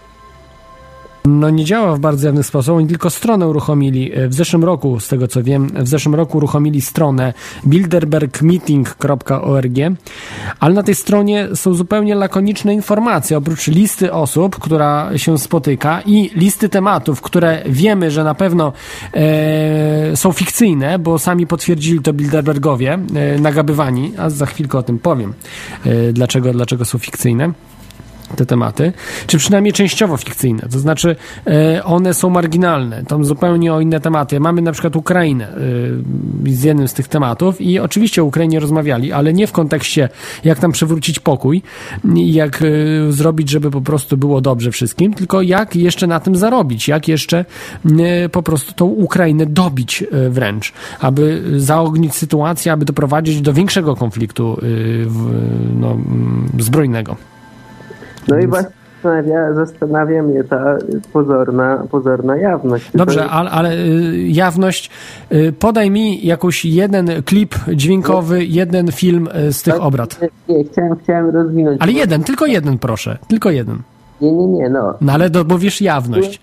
Na każdej grupie G7 mamy spotkania grupy G7, G20. Oczywiście też są tajne rozmowy, ale większa część rzeczy jest nagrywana, filmowana i tak dalej, i tak dalej. Więc My to media nagłaśniają, natomiast tutaj wpisując w, inter- w Google chociażby, Tak. e, żydowskiego Google wpisując, e, mamy na Wikipedii artykuł, mamy jakieś tam zdjęcia, mamy tutaj twoje doniesienia, że ktoś tam wyszedł, ktoś rozmawiał, natomiast po pierwsze zastanawia mnie, e, czy ta jawność nie jest e, taką e, jawnością, takim pluciem w twarz, jak wszystkie iluminackie y, teledyski, na przykład ostatni teledysk Katy Perry, gdzie ewidentnie odwołuje się do oka Horusa e, i innych iluminackich symboli po prostu śmieje się ludziom w twarz, no bo tak to trzeba nazwać, no nie, nie, nie ukrywajmy Znaczy, tego. no nie ona się śmieje, tylko iluminaci się śmieją, bo to ona to jest, to jest, to jest tak zwana Illuminati puppet, to jest po prostu pacynka, no. Jako ta marionetka pacynka Marionetka, tak. jest, jest tylko, jest, jest, jest tylko, natomiast zastanawia mnie, ile właśnie, ile z tej pozornej jawności jest właśnie tego śmiania się w twarz po prostu No ludziom, nie, że- to tu akurat nie ma, ze względu na to, że wszystko byłoby utajnione nadal. Nic byśmy o tym nie wiedzieli. Gdyby nie na przykład Jim Tucker, który od lat 70., on był poważnym, szanowanym dziennikarzem sportowym, y, który po prostu zainteresował się tym tematem, bo on się z tego śmiał. Y, dotarły do niego informacje w latach 60., że taka grupa istnieje i się spotyka. On nie wierzył w to i zaczął ich jeździć za nimi po prostu. I od lat 70. po prostu na każdy rok do roku jeździł za nimi i robił, robił zdjęcia, robił materiały. To jest całe po prostu archiwum teraz duże, które przejął mm, pan Anderson. Y, Zresztą, który wywiad też można zobaczyć w internecie z nim. Na ostatnim, na ostatnim był e, spotkaniu. Właśnie pan Anderson, który przejął schedę po Jimie Tuckerze. I ten Jim Tucker po prostu y, zrobił niesamowitą rzecz, że jeździł za nimi i odkrył, że faktycznie ma to miejsce. Później w latach 90. Do, dołączyli do tego, y, prawda, y, Daniel Estulin, dołączył Alex Jones, że też jeździli za tą, za tą grupą Bilderberg. No a teraz to już jeździ cała plejada po prostu osób. No, między innymi też moja skromna osoba, też już od dwóch lat gdzieś, gdzieś tam za nimi jeżdżę. E, I, i, tylko dlatego, że właśnie tacy ludzie jak, jak Jim Tucker, jak Alex Jones, Daniel Estulin, e, wielu, wielu innych, prawda, tak, tak jak Luke Rutkowski, e, jeżdżą za tą grupą Bilderberg i po prostu y, mówią o tym. Mówią, y, filmują, y, robią reportaże z tego, z tego tytułu i, i i stąd wiemy, że są. I oni wtedy już muszą po prostu od, od, odkryć jakieś pewne karty. Ze względu na to, że wiedzą, że y, y, bardziej jeszcze w tajemnicy to utrzymywanie y, po prostu spowoduje, że my się staniemy, ludzie, którzy opisują, to staną się bardziej wiarygodni. Więc żeby po prostu oni stali się bardziej wiarygodni, muszą troszeczkę tam napisać, prawda? stronę zrobić, listę osób, które się spotykają, Dokładnie. tematy, Właśnie ale nic więcej. Do tego pije, na ile ta, ta pozorna, podkreślam, pozorna jawność, czyli ujawnienie tego nawet nie czubka y, góry lodowej, ale samego wierzchołka, na ile to ma tę grupę legitymizować. Ponieważ, tak jak, tak jak mówię, no rozmowy dalej są tajne. Nie wiemy, kto rozmawia, możemy, czy nie wiemy o czym, możemy domyślać się, kto e, rozmawia.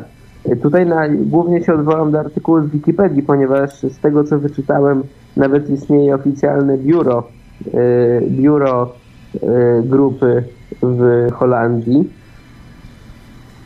To też uważam za jakiś e, element przykrywający, tudzież uzurpacyjny, że, że można to jakoś jakieś oficjalne, oficjalne kanony podciągnąć. Natomiast co mnie zastanowiło najbardziej, to, że Wikipedia podaje, że w działalności grupy uczestniczyły dwie postacie z polskiego życia publicznego. E, Andrzej e, Olechowski, Tak, wiele lat. E, tak, oraz niejaki Jan Antoni Wincent Rostowski z pochodzenia Żyd. No, Znak- było więcej osób. Była Suchocka, była przynajmniej raz, Kwaśniewski był raz, z tego co wiem.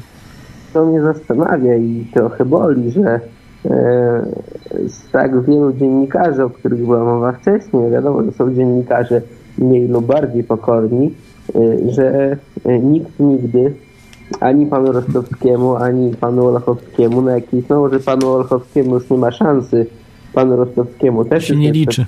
nie ma szansy, na jakiejś oficjalnej konferencji prasowej e, nie zadał pytania, czy, czy uczestniczył pan spotkaniu grupy Bilderberg. Y, Zadano y, premierowi Tuskowi i on tam coś próbował obronić, że tam a to zwykłe spotkanie prywatne i tak dalej, i tak dalej. Y, Także Tusk, Tusk odpowiedział za, za Rostowskiego. Ro- Rostowskiemu się nie udało zadać właśnie tego pytania. Dziennikarze w ogóle w tym roku na przykład nie zajęli się tą sprawą kompletnie. No. Nie było ni- nic w mediach oprócz kłamstwa. Kopanie piłki myślę, że dużo bardziej zajmuje serca Gawieli. No tak, ale to wcześniej było, to prawie miesiąc temu było, to nie było jeszcze piłki, więc, więc y, nie było tematów jakichś, nie było afery z Kwaśniewskim, nie było afery tej taśmowej. E, Nie, nie było dużo tematów tak, tak naprawdę y, miesiąc temu, czy no, miesiąc temu, trzy tygodnie temu, była cisza dosyć i, i nikt y, po prostu tych no tych, że tak powiem, em, tematu grupy Bilderberg nie, nie, jakoś nie poruszył, nie, nie, nie podjął. Z mediów też zauważ, zauważmy, z mediów e, nieprzychylnych rządowi, czy też z mediów ogólnie e, jakichś nie mainstreamowych, czy internetowych. Praktycznie nikt oprócz kilku mediów, tak jak, tak jak mówiłem, no nieza, niezależna y, telewizja Janusza Zagórskiego, prawda, zrobiła o tym, tam wystąpiłem w jednej audycji, y, powiedziałem, y, prisonplanet.pl portal y, to o tym mówił, no i między innymi właśnie tutaj y, Radio na Fali y, też i, i w audycji tu Teoria Chaosu o tym, o tym mówiliśmy, ale nigdzie więcej po prostu o tym nie było nic. A to jest, to jest bardzo ważna rzecz, zresztą to o tym, o tym jeszcze później powiem, dlaczego to jest bardzo ważne, bo niektórzy mówią, a, to niech, se- co tam się spotykają, co to ma za znaczenie? Niech, niech się No spotykają. Właśnie i tutaj zaraz wrócę do tej kwestii, e, do tego ja, jaka ważność jest tego, e, ponieważ e, w ogóle przeglądając, wpisując po prostu w Google grupa Bilderberg, trafiłem na stronę jakąś hostowaną na serwerze republika.pl. Starsi internauci będą pewnie pamiętać, że tam można było hostować swoje prywatne strony. Natomiast wchodząc z Google'a e, odnośnik był e, już nieaktywny. Natomiast korzystając z e, WebArchive, strony, która archiwizuje Internet Wayback Machine, jeśli dobrze pamiętam, strona, która po prostu archiwizuje całą sieć i można się cofnąć, znalazłem stronę, która mówi o uczestnictwie w spotkaniu grupy na początku, na początku lat e, 2000, że tak nazwijmy, niejakiego Jana Błotnika. To podobno jakiś polski, pols, polska wpływowa postać, e, która według opisu z tej strony e, stała za takimi rzeczami e, jak zabójstwo generała e, Marka Papały, e, jak e, sterowanie aferą FOZ. Pewnie starsi słuchacze pamiętają, czy też, co później research wykazał w najnowszych latach, Jan Błotnik podobno odpowiadał również za zamach w Smoleńsku. Tutaj się nie ustosunkowuję, ponieważ nie jest to mój temat, natomiast być może dla... Jan Błotnik, nie słyszałem tego nazwiska, muszę powiedzieć, że, że po raz pierwszy Jan, gdzieś... Jan, Jan Błotnik. A, y, ki, kim on jest? Kim on był? No, jakimś agentem? Kto, To kto jest, to był? to jest y, trudno powiedzieć, ponieważ jest to, jest to naprawdę y, szara eminencja, jest to typowy człowiek y, sterujący z tylniego siedzenia. Jan Błotnik? Mo, może to żart jakiś jest? Nie, no nie chcę mówić, że żart, ale po prostu e, każda afera, różne rzeczy mają różnych ludzi. To, to nie ma tak, że jedna osoba w Polsce steruje czym, czymkolwiek i tak dalej, bo Nie, nie, nie. Chodzi tutaj, że, że jedna osoba, wiadomo, że takich osób pociągających za sznurki jest wiele, natomiast jest to jakiś, być może błotnik jest to, może nie to, że żart, ale jakaś pseudonim, przykrywka e, jakiegoś agenta. E, Natomiast podobno jest to osoba po prostu odpowiedzialna za, za, za te grubsze rzeczy e, w e, Polsce. No, nie, nie wiem też sam ile w tym prawdy, nie potrafię zweryfikować, natomiast podobno w Darknecie, czyli w Darknecie, czyli na torze, można zgłębić informacje bardziej, ponieważ wpływy tej osoby sięgają tak daleko, że skutecznie w jej wykonaniu odbywa się cenzurowanie. Sam przyznam szczerze, że interesuję się różnymi tematami, natomiast tego nazwiska nie słyszałem i spotkałem się z nim dopiero dzisiaj. Tak jak mówię, link odnosił do nieistniejącej strony, dopiero skorzystanie z e, archiwum Wa- Waveback Machine. Mhm. Wayback Machine, dopiero skorzystanie z archiwum internetu, być może jest jakieś przeoczenie ze strony osoby ukrywającej się pod pseudonimem e, Jana Błotnika. Być może dopiero to pozwoliło mi e, liznąć tematu. E, Tak jak mówię, no, wszystko wskazuje na to, że w Darknecie e, dowiemy się więcej. Ale już zostawiając tematykę Jana Błotnika, chciałem wrócić do tego, co pan powiedział o tym, mm, jak ważne e, są te spotkania. Bo wysuwa mi się tutaj taka nieśmiała teza, że być może ci ludzie, czy to pan Rostowski, Olechowski, czy wszyscy inni, załatwiają tam swoje prywatne interesy. Użyję tutaj troszkę brzydkiego sformułowania, że wszyscy nas dymają, ale być może nie odbywa się to na poziomie demokracji, ale zwykle, zwyczajnie na poziomie korporacyjnym i ci ludzie próbują ugrać, ugrać jakieś tam swoje interesy małe, które przysporzą im zysk. Dlatego media, dziennikarze różni nie interesują się tym tak bardzo, ponieważ nie wchodzą tutaj w grę jakieś machlojki na poziomie rządów, państw, tylko po prostu jakieś prywatne interesy. Mhm. Tak, tak, także no, ciekawe, ciekawe rzeczy. Także dzięki Ci za tę informację. Dzięki. Dzięki. Pozdrawiam. Też, też pozdrawiam, hej. E, także Jan Błotnik, e, może wy wiecie coś na temat tej, tej osoby. Prawdę mówiąc, e, ja nie bardzo, nie bardzo się zagłębiłem aż tak w, w, w te spiskowe mm, teorie Polski. Natomiast być może coś takiego istnieje, ale dzisiaj o grupie Bilderberg i no, o tych, tych sprawach, co, co się dzieje. E, powiem Wam jeszcze o osobach, które tam wystąpiły. Tutaj pojawiają się takie różne e, osoby, e, takie zarzuty o tą stronę, bilderbergmeeting.org, że to może być nie założona przez jakiegoś podszywającego, podszywającą się osobę zupełnie mającą, no nie, nie, to już od dwóch lat po prostu zgadzają się, e, list, lista osób się zgadza i miejsce, gdzie ma wystąpić, gdzie ma być e, grupa Bilderberg, więc ktoś, kto nawet by podszywał się, e, jest wtajemniczony, jest wtajemniczony w to, co ma się odbywać, a to nie jest takie proste. Więc, e, więc to, y, to, to się zgadza, więc ktoś musi być z wewnątrz. Jeżeli nawet ktoś organizuje tą stronę dla żartu i tak dalej, to musi być ktoś z wewnątrz. Nie sądzę, żeby ktoś był od wewnątrz, bo wszyscy boją się tam po prostu, boją się, za przeproszeniem, nawet y, no, mm, kichnąć się boją. To co już, co mówić dopiero gdzieś upublicznić e, stronę, czy, czy z informacjami. Nie, to jest mm, e, y, grupa Bilderberg oficjalnie już podaje, że, że to jej strona, nikt nie zaprzecza, także nie ma powodu myśleć, że to jest, to jest nie ich strona, że to jest e, nie wiadomo czyja. Także bilderbergmeeting.org to jest, to jest ich strona. Y, strona, strona właśnie grupy Bilderberg. Y, jeszcze wam powiem tylko o strukturze grupy Bilderberg. To jest bardzo ważne, bo, bo wielu ludzi nie rozumie tego. Y, Bilderbergami nie są ci wszyscy, którzy tam przyjeżdżają. Niektórzy tam przyjeżdżają tylko raz, dwa razy, mm, maksymalnie trzy razy, no, ale z reguły dwa razy. Z tego co wiem, Olechowski przyjeżdżał może więcej trochę chyba ze cztery razy. Olechowski to jest przykład e, człowieka, który był wysoko, jest wysoko postawiony w masonerii. Nie wiem dlaczego, bo wyjątkowo wredna osoba, agent typowy, jak tak agenta zawsze, zawsze każdemu powtarzam, agenta bardzo łatwo rozpoznać po oczkach. Oczka chodzą jak w kreskówce po prostu, ciach, ciach, ciach się, jedna, druga strona, jedna, druga, jedna, druga, no normalnie oczopląs mają. Y, taki nauczony, zawsze oni wiedzą po prostu, jak służby funkcjonują, oni służbom e, mówią o różnych rzeczach i po prostu wtedy e, człowiek inaczej zaczyna się zachowywać, e, bo on wie to tacy ludzie jak my nie wiemy, jak służby działają dokładnie. Wiemy z książek, od, od zew z zewnątrz wiemy, jak to wygląda. Natomiast oni wiedzą już, jak od wewnątrz trochę to wygląda, jak, jak, jak, jak są powiązania, jak, jak mogą go śledzić bez problemu i tak dalej, i tak dalej. Więc oni wtedy cały czas właśnie tymi oczkami przebierają w jedną, w drugą stronę. E, I popatrzcie na Lechowskiego, jak się zachowuje. Jeszcze takich sporo osób jest też w mediach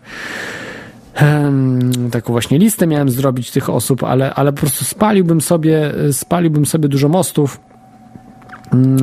zrobił sobie wrogów, bo dowodów na to nie miałbym, a tylko poszlaki, więc, e, więc po prostu nie, nie miałoby to sensu, a nic bym nie wygrał, także że podałbym. W przyszłości, jeśli, jeśli czy moje media, czy, czy cokolwiek, co będę tworzył, będzie bardziej wpływowe, będzie jakieś już takie, można powiedzieć, mm, no, y, miało jakieś znaczenie większe, no to wtedy można zaryzykować taką, taką rzecz. Natomiast w tej chwili myślę, że, że, że, że to troszeczkę jest e, bez sensu. No ale, ale mówię, no akurat o Lechowskim wiemy na 100%, także zobaczcie, jak się Lechowski zachowuje. Na 100% wiemy, że był agentem, bo się sam przyznał. Jako jeden z niewielu. Sam się przyznał, że był, e, nie, przepraszam, nie agentem, tajnym współpracownikiem SB.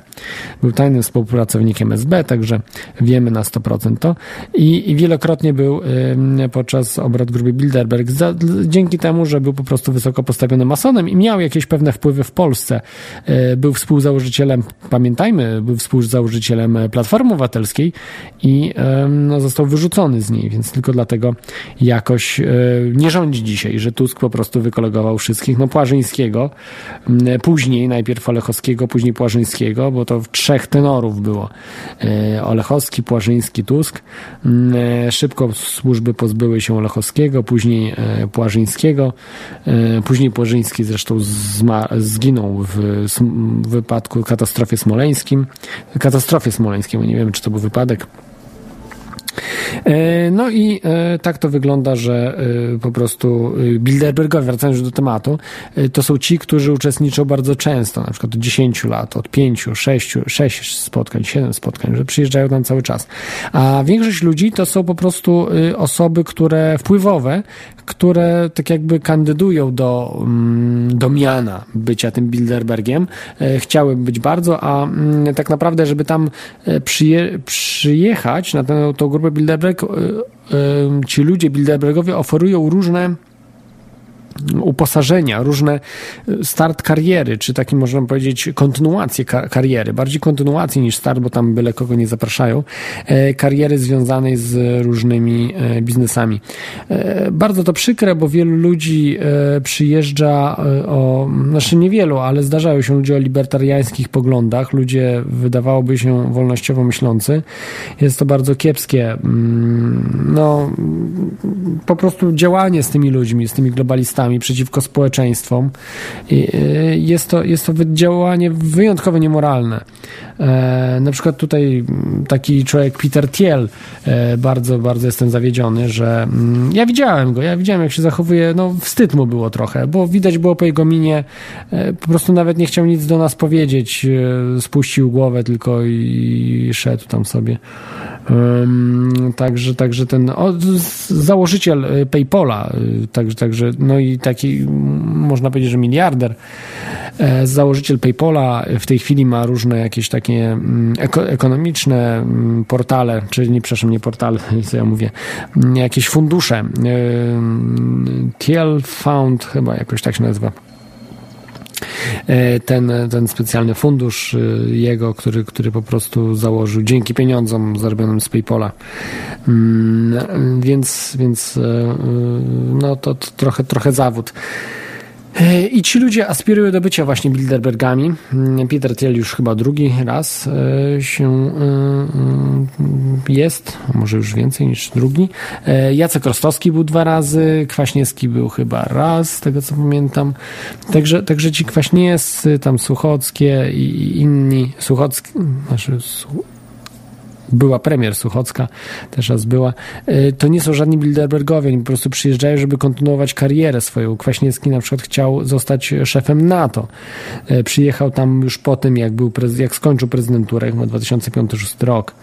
Mm, e, Przyjechał właśnie na, na, na, na obrady grupy Bilderberg i, i, i miał być miał być właśnie e, szefem NATO, miał zostać szefem NATO, dlatego tam bardzo, bardzo chciał e, koniecznie przyjechać na, ten, na nową grupę Bilderberg, żeby go tam e, promować. W tym roku na przykład był szef, szef, aktualny szef NATO, e, e, pan Ra- Rasmussen, przepraszam, e, pan Rasmussen, e, który który, który właśnie y, już chyba któryś raz z rzędu nawet jest. On wcześniej y, też bywał jak jeszcze nie był szefem NATO, to też już na tym na spotkaniu Bilderberg bywał i to może być taka trampolina dla, dla kariery tych ludzi, którzy przyjeżdżają na grupę Bilderberg. I, I częściowo niektórzy koniunkturalnie tylko przyjeżdżają, tak jak podejrzewam właśnie Kwaśniewski, taki Rasmussen, mm, czy inni, y, którzy, którzy wiedzą, że tam trzeba się pokazywać, jeździć, trzeba słuchać tego, co mówią globaliści i wprowadzać potem w życie, żeby móc potem otrzymać różne mm, no, dobre, dobre stanowiska od właśnie Bilderbergów, od globalistów. Tu też pojawiają się zarzuty, że mm, grupa Bilderberg e, to mało wpływowa grupa, że to, to jest nic, tam są nad nimi są jeszcze wyżsi i tak dalej. To prawda. Ale to nie jest mało wpływowa grupa. Przecież tam spotykają się ludzie, y, na przykład były szef NSA, y, były szef CIA, generałowie armii amerykańskiej, y, szef MI6, mnóstwo ludzi ze służb specjalnych, z wojska przyjeżdżają tam, no szef NATO, tak, Rasmussen, e, przyjeżdżają i czy sugerujecie, że ci ludzie, że to wszystko nie ma znaczenia? No może jak Kwaśniewski przyjedzie, czy, czy Jan Rostowski, no to, to znaczenia może nie mieć. Ale jeżeli przyjeżdżają takie osoby, szef NSA, były szef, ale dalej w NSA pracuje, E, który, który ma tajemnicę miał do wszelkich, nawet prezydentów podsłuchiwał. Merkelową i, i Kwaśniewskiego, no wszystkich, kogo chciał. E, mało tego, może wszystkich podsłuchiwać, nawet jak ktoś ma Linuxa, też są backdory w Linuxie.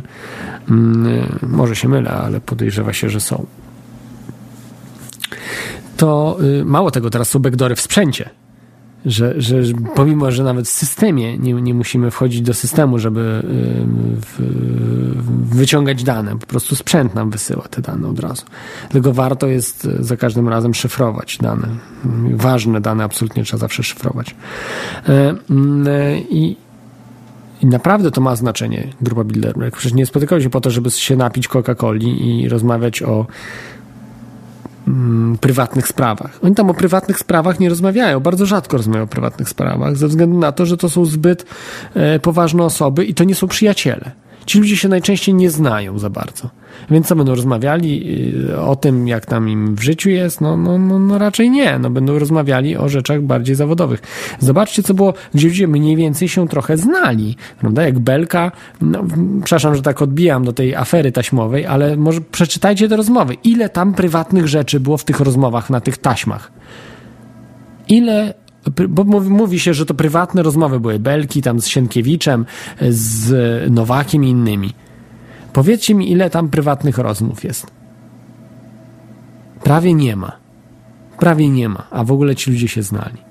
Więc, więc jest na rzeczy coś bardzo istotnego, że spotykając się właśnie w takich tajnych miejscach, to jest taki Bilderberg to jest właśnie taka afera taśmowa razy, nie wiem, razy tysiąc, czy dziesięć, czy tysięcy, czy milion. Jest po prostu dużo potężniejsi ludzie, yy, dużo ważniejsze rozmowy i dużo bardziej chronione to jest wszystko. I to jest profesjonalnie robione, tak? Yy, profesjonalnie, że nic od 54 roku nie wypłynęło stamtąd, rozumiecie? 60 lat i nic nie mamy. Jakie to jest, jaka to potężna jest organizacja, jak potrafi się zabezpieczyć. Tutaj minister spraw wewnętrznych i go podsłuchują byle, za przeproszeniem, chłystkowie. Robią co chcą, nagrywają, wynoszą, jeszcze rok trzymają te taśmy. No po prostu to jest żenujące, to jest żenujące. No od razu powinien sam się do dymisji podać. To są ludzie bez honoru ja nie wiem po prostu, to jest na jakim świecie żyjemy. Jak taki chłystek może się nie podać do, do nie podać do dymisji. E, no, ale niestety, tak, tak to wygląda. Dzisiaj honoru ci ludzie nie mają, no przynajmniej w platformie nie mają, e, więc, e, więc nie wiem, kto głosuje na taką partię. To jest dla mnie, nie wiem, no, człowiekiem bez mózgu po prostu. No, ludzie na tą partię. Mam też takich znajomych, którzy są bez mózgu, znaczy mają mózg niby, nawet niektórzy całkiem dobrze zarabiają, ale, ale nie myślą, no po prostu są niemyślącymi ludźmi i mm, niestety tak, no głosują potem na, na, na platformę. Ale cóż, no tak, tak, tak to jest. Mm, tak to bywa. Wracając do grupy Bilderberg oczywiście, czyli jest to wpływowa organizacja, jest. Oczywiście nie jest najbardziej wpływowa, tak jak mówiłem, są tajne spotkania e, w London, City of London e, są tajne spotkania, czyli nie, nie w sensie, że w Londynie, tylko City of London, nie? czyli w takiej części Londynu. Dla tych tutaj mówię, któ- którzy nie wiedzą, że Londyn ma wyodrębnioną część biznesową, która się nazywa City of London e, i jest zupełnie niezależna od Londynu. Tam w ogóle jest inne prawo, e, tam w ogóle działają inne, inne prawa, inna policja, wszystko jest zupełnie inne. E, I to było konstytucyjnie uchwalone właśnie, że jest ten odseparowany, odseparowana część jest to w prawie po prostu. E, Jest to, można powiedzieć, troszeczkę eksterytorialna część Londynu. Są ludzie bardziej wpływowi, Rothschildowie, Rockefellerowie, y, Kuhn Loeb, rodziny, które nie pojawiają się teraz już y, w, y, na tych spotkaniach grupy Bilderberg.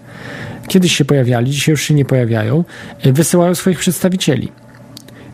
I no, wysyłają swoich przedstawicieli i ym, no tak, tak to wygląda, że jednak to też jest.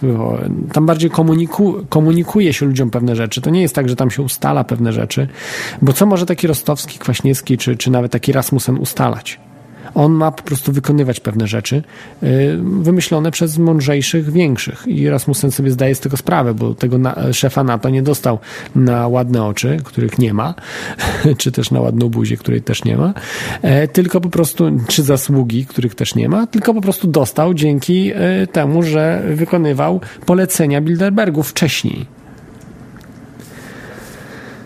Kwaśniewski być może zbytnio nie wykonywał, więc być może cofnięto mu tą, e, to zaproszenie na, na grupę Bilderberg, albo sam zrezygnował, przestraszył się, nie wiadomo.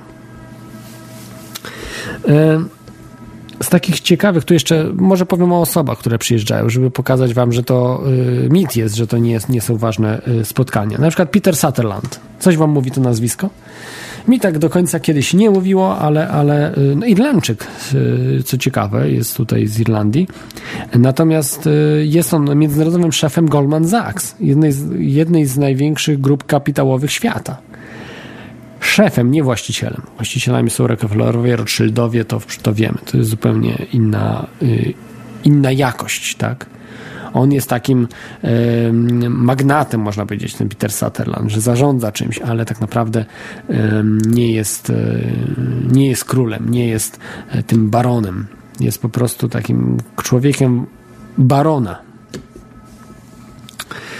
Ten Peter Sutherland. Yy, Diederik Samson, no to już mówiłem, to nie jest wpływowa zupełnie osoba, ale księżna Beatrix, księżna, bo ona tuż E, Nie, przepraszam. Tuż, tak, tak, tak, dobrze mówię.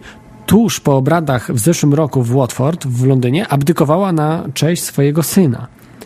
E, e, Wcześniej była Beatrix Królowa Beatrix, Queen Beatrix of Holland, natomiast dzisiaj już księżna Beatrix, e, księżna holand, holenderska.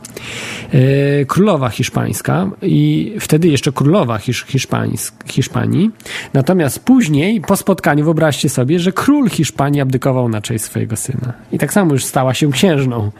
Czy to jest jakiś... E, czy to po prostu komunikują tym Bilderbergom, żeby tak robić? Myślę, że tak, że po prostu ci Bilderbergowie dzisiaj stoją wyżej od tych głów królewskich. Że te głowy królewskie już dzisiaj widać, one są na niższym poziomie.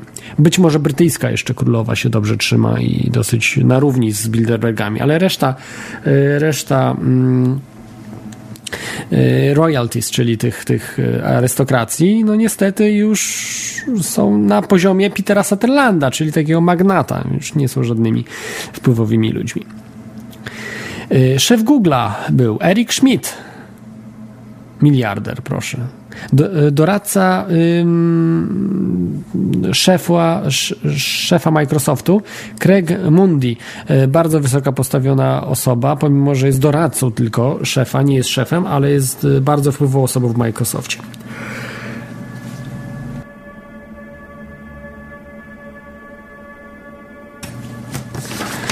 Z takich bardzo znanych osób Christine Lagarde, szefowa Międzynarodowego Funduszu Walutowego. Proszę bardzo. Akurat ją widziałem osobiście na 100%, widziałem ją. E, widziałem też e, Petera Sutherlanda, tak mi się wydaje, że go też widziałem. Diderika Samsoma, widziałem e, Petera Tiela, o tym wam mówiłem, że też widziałem. Być może Kifali Aleksandra też. No trudno powiedzieć, no z twarzy po prostu ciężko mi było stwierdzić, kto jest kto. Christine Lagarde, zapamiętałem jej twarz, bo w telewizji się pojawiała. Szefowa Międzynarodowego Funduszu Walutowego. Okropna osoba, bardzo niegodna, niehonorowa, robi naprawdę bardzo złe rzeczy, robiła yy, przez długi czas. Yy, Wielu, wielu innych jeszcze wpływowych osobów, miliarderzy, mnóstwo miliarderów e, w, w, brało udział w tym spotkaniu grupy Bilderberg. Mało tego, mnóstwo polityków bardzo wpływowych. No, ze wszystkich krajów Austrii, Belgii, Kanady, Chin. Z Chin to bardziej tacy doradcy, można powiedzieć. Jeden chyba minister. Także minister chiński wziął, wziął udział i jeden profesor ekonomii z Uniwersytetu Pekińskiego. E, no ale zdanie mamy Finlandię. Z Finlandii bardzo dużo, nie wiem dlaczego, ale e, po prostu dużo ludzi właśnie przejęto, do, tutaj mam na przykład taką firmę Dutch Shell, że jest szefem Dutch Shell, jest Jorma Oila, Olila, fin, fin jest e, szefem akurat w, tej, w tym momencie. Mm, Francja, prawda, Niemcy, Grecja, Węgry. Węgry to jest jeden Gordon Bajnaj, były e, premier, e, lider partii Razem. E, Razem 2014 i on jest no, wydaje mi się, że on był właśnie tym socjaldemokratą, ale nie tym, który, który, który oszukał ludzi, tam wypłynęły taśmy. Mm, to był e, e, Guria, Guriasz, czy Guria, Gurs, Gursjani, Gursjani, czy jakoś tak się nazywał, także zupełnie inny polityk, przepraszam, w tej chwili nie pamiętam z pamięci e, Guria, Gurianiego, Gursjaniego, ten, który został obalony przez społeczeństwo po prostu i później na fali wyszedł Viktor Orban z partią Fidesz. Także z Węgier, tak jak właśnie mówiliśmy, to jest przeciwnik, w każdym razie to jest przeciwnik, ten Gordon Bajnaj no nie jest, jest przeciwnikiem Wiktora Orbana. Mario Monti, on był były prezydent, znaczy prezydent on teraz jest chyba prezydentem, tak? Mario Monti. Tak mi się wydaje. Tylko, że to jest też system we Włoszech jest pre, y, parlamentarno-gabinetowy, więc prezydent ma mniej do mówienia, ale, ale jest. Także jest na przykład szef Y, Fiata, dyrektor generalny Fiata, John Elkan. E, mnóstwo, mnóstwo naprawdę mm, y, ludzi z nawet z takich organizacji, dyrektor organizacji Ahmed Uzumku z pewnie Turek, chociaż jest podpisany International, czyli międzynarodowy, e, organizacji do zakazu broni chemicznej. Także naprawdę różne, mm, e, różne osoby z Irlandii, co ciekawe, chociażby jest e, minister e, rolnictwa e, Simon Cowney. Irlandia ma podobne rolnictwo do Polski, jest bardzo niezależne, jest mnóstwo rolników. Nie jest, nie jest to rolnictwo takie monokulturowe. Dzięki temu e, e, dzięki temu chcą zniszczyć rolnictwo w Irlandii być może też chcą zniszczyć rolnictwo w Polsce. W Irlandii chcą wprowadzić, też nie jest rolnictwo opodatkowane, wyobraźcie sobie, tak jak w Polsce, i chcą wprowadzić podatki, dobić po prostu rolnictwo, tak samo chcą zrobić e, w Polsce. E, nie wiem, czy im to się uda, oby nie. E, są, no tak jak już mówiłem księżna Beatrix, z Szwajcarii jest trochę osób, Hiszpanii, oczywiście Portugalia, Norwegia, z e, Szwecja. Z Szwajcarii bardzo ciekawy jest można powiedzieć, e, taki mm, wiceszef czy honorowy szef e, spółki Novartis, jeden z największych koncernów e, farmaceutycznych świata, Daniel Wesela. Jest Andrzej Kudelski z Kudelski Group szwajcarskiej To jest chyba firma taka kapitałowa. Wydaje mi się, że mm, finansowa, ale, ale nie jestem pewny. Tak, tak, tak mi się wydaje tylko. No mnóstwo, nie chcę wymieniać wszystkich tutaj, ale, ale zobaczycie, to tam nie ma ludzi przypadkowych, jakiś, nie wiem, kogoś zaprosili, nie wiem, z, e, z, od Alexa Jonesa, tak, kogoś powiedzmy z, ze spisków, czy za, zaprosili kogoś, e, powiedzmy, jakiegoś whistleblowera. Nie ma takich, takiej opcji, są zapraszani ludzie sprawdzeni, których sprawdza się krzyżowo. E, przepraszam. Tak, i tak to wygląda, że y, po prostu potem ci ludzie nie. Mm, o, tego pana na pewno widziałem i tą kobietę, tego tak zwane y, nasze Henry Cravisa. To jest e, bardzo wpływowa osoba, Colbert Kravis Roberts, e, mm, inwestor. Mm, Tak mi się wydaje, ale on chyba pełni jakieś funkcje też, e, mm, funk, funkcje polityczne. To wiem, że znany Alex Karp, to też nazwisko dosyć znane. Mnóstwo, e, tak jak mówiłem, z Ameryki osób. Dobrze, odbiorę telefon, e, bo jest akurat telefon, dzwoni. E, Halo, witaj, jesteś na antenie. Witaj. No ja już tutaj dzwoniłem dzisiejszego wieczoru do ciebie. To świeży słuchacz, można tak powiedzieć. E, Z północy, i, tak? no, Z miałem- tego? Tak, tak, tak, Hmm. tak. I ja miałem, miałem gości, ale wiesz, już tak powiem o tej porze to już wszyscy poszli sobie. E, no więc y, słuchałem tak jednym uchem, miałem gdzieś puszczone właśnie radio. E, no ja nie mogę, nie mogę za bardzo jakby mówić o, o tym, czym się, zresztą wydaje mi się, że nikt nie chce mówić o tym, y, czym się zajmuje jakby zawodowo, y, wiesz, tak, tak, ten, ale... Nie krępuj się, nie powiedziałeś imienia, wiesz, nazwiska, nie powiedziałeś kim jesteś, więc ci nikt nie zlokalizuje. No właśnie mam nadzieję, że to jest, wiesz, że tutaj, no powiem tak, y, ja nie pracuję wprawdzie y, dla ABW, ale współpracuję bardzo blisko z polską prokuraturą, między innymi w Warszawie. Y, No, jestem dosyć młodym człowiekiem,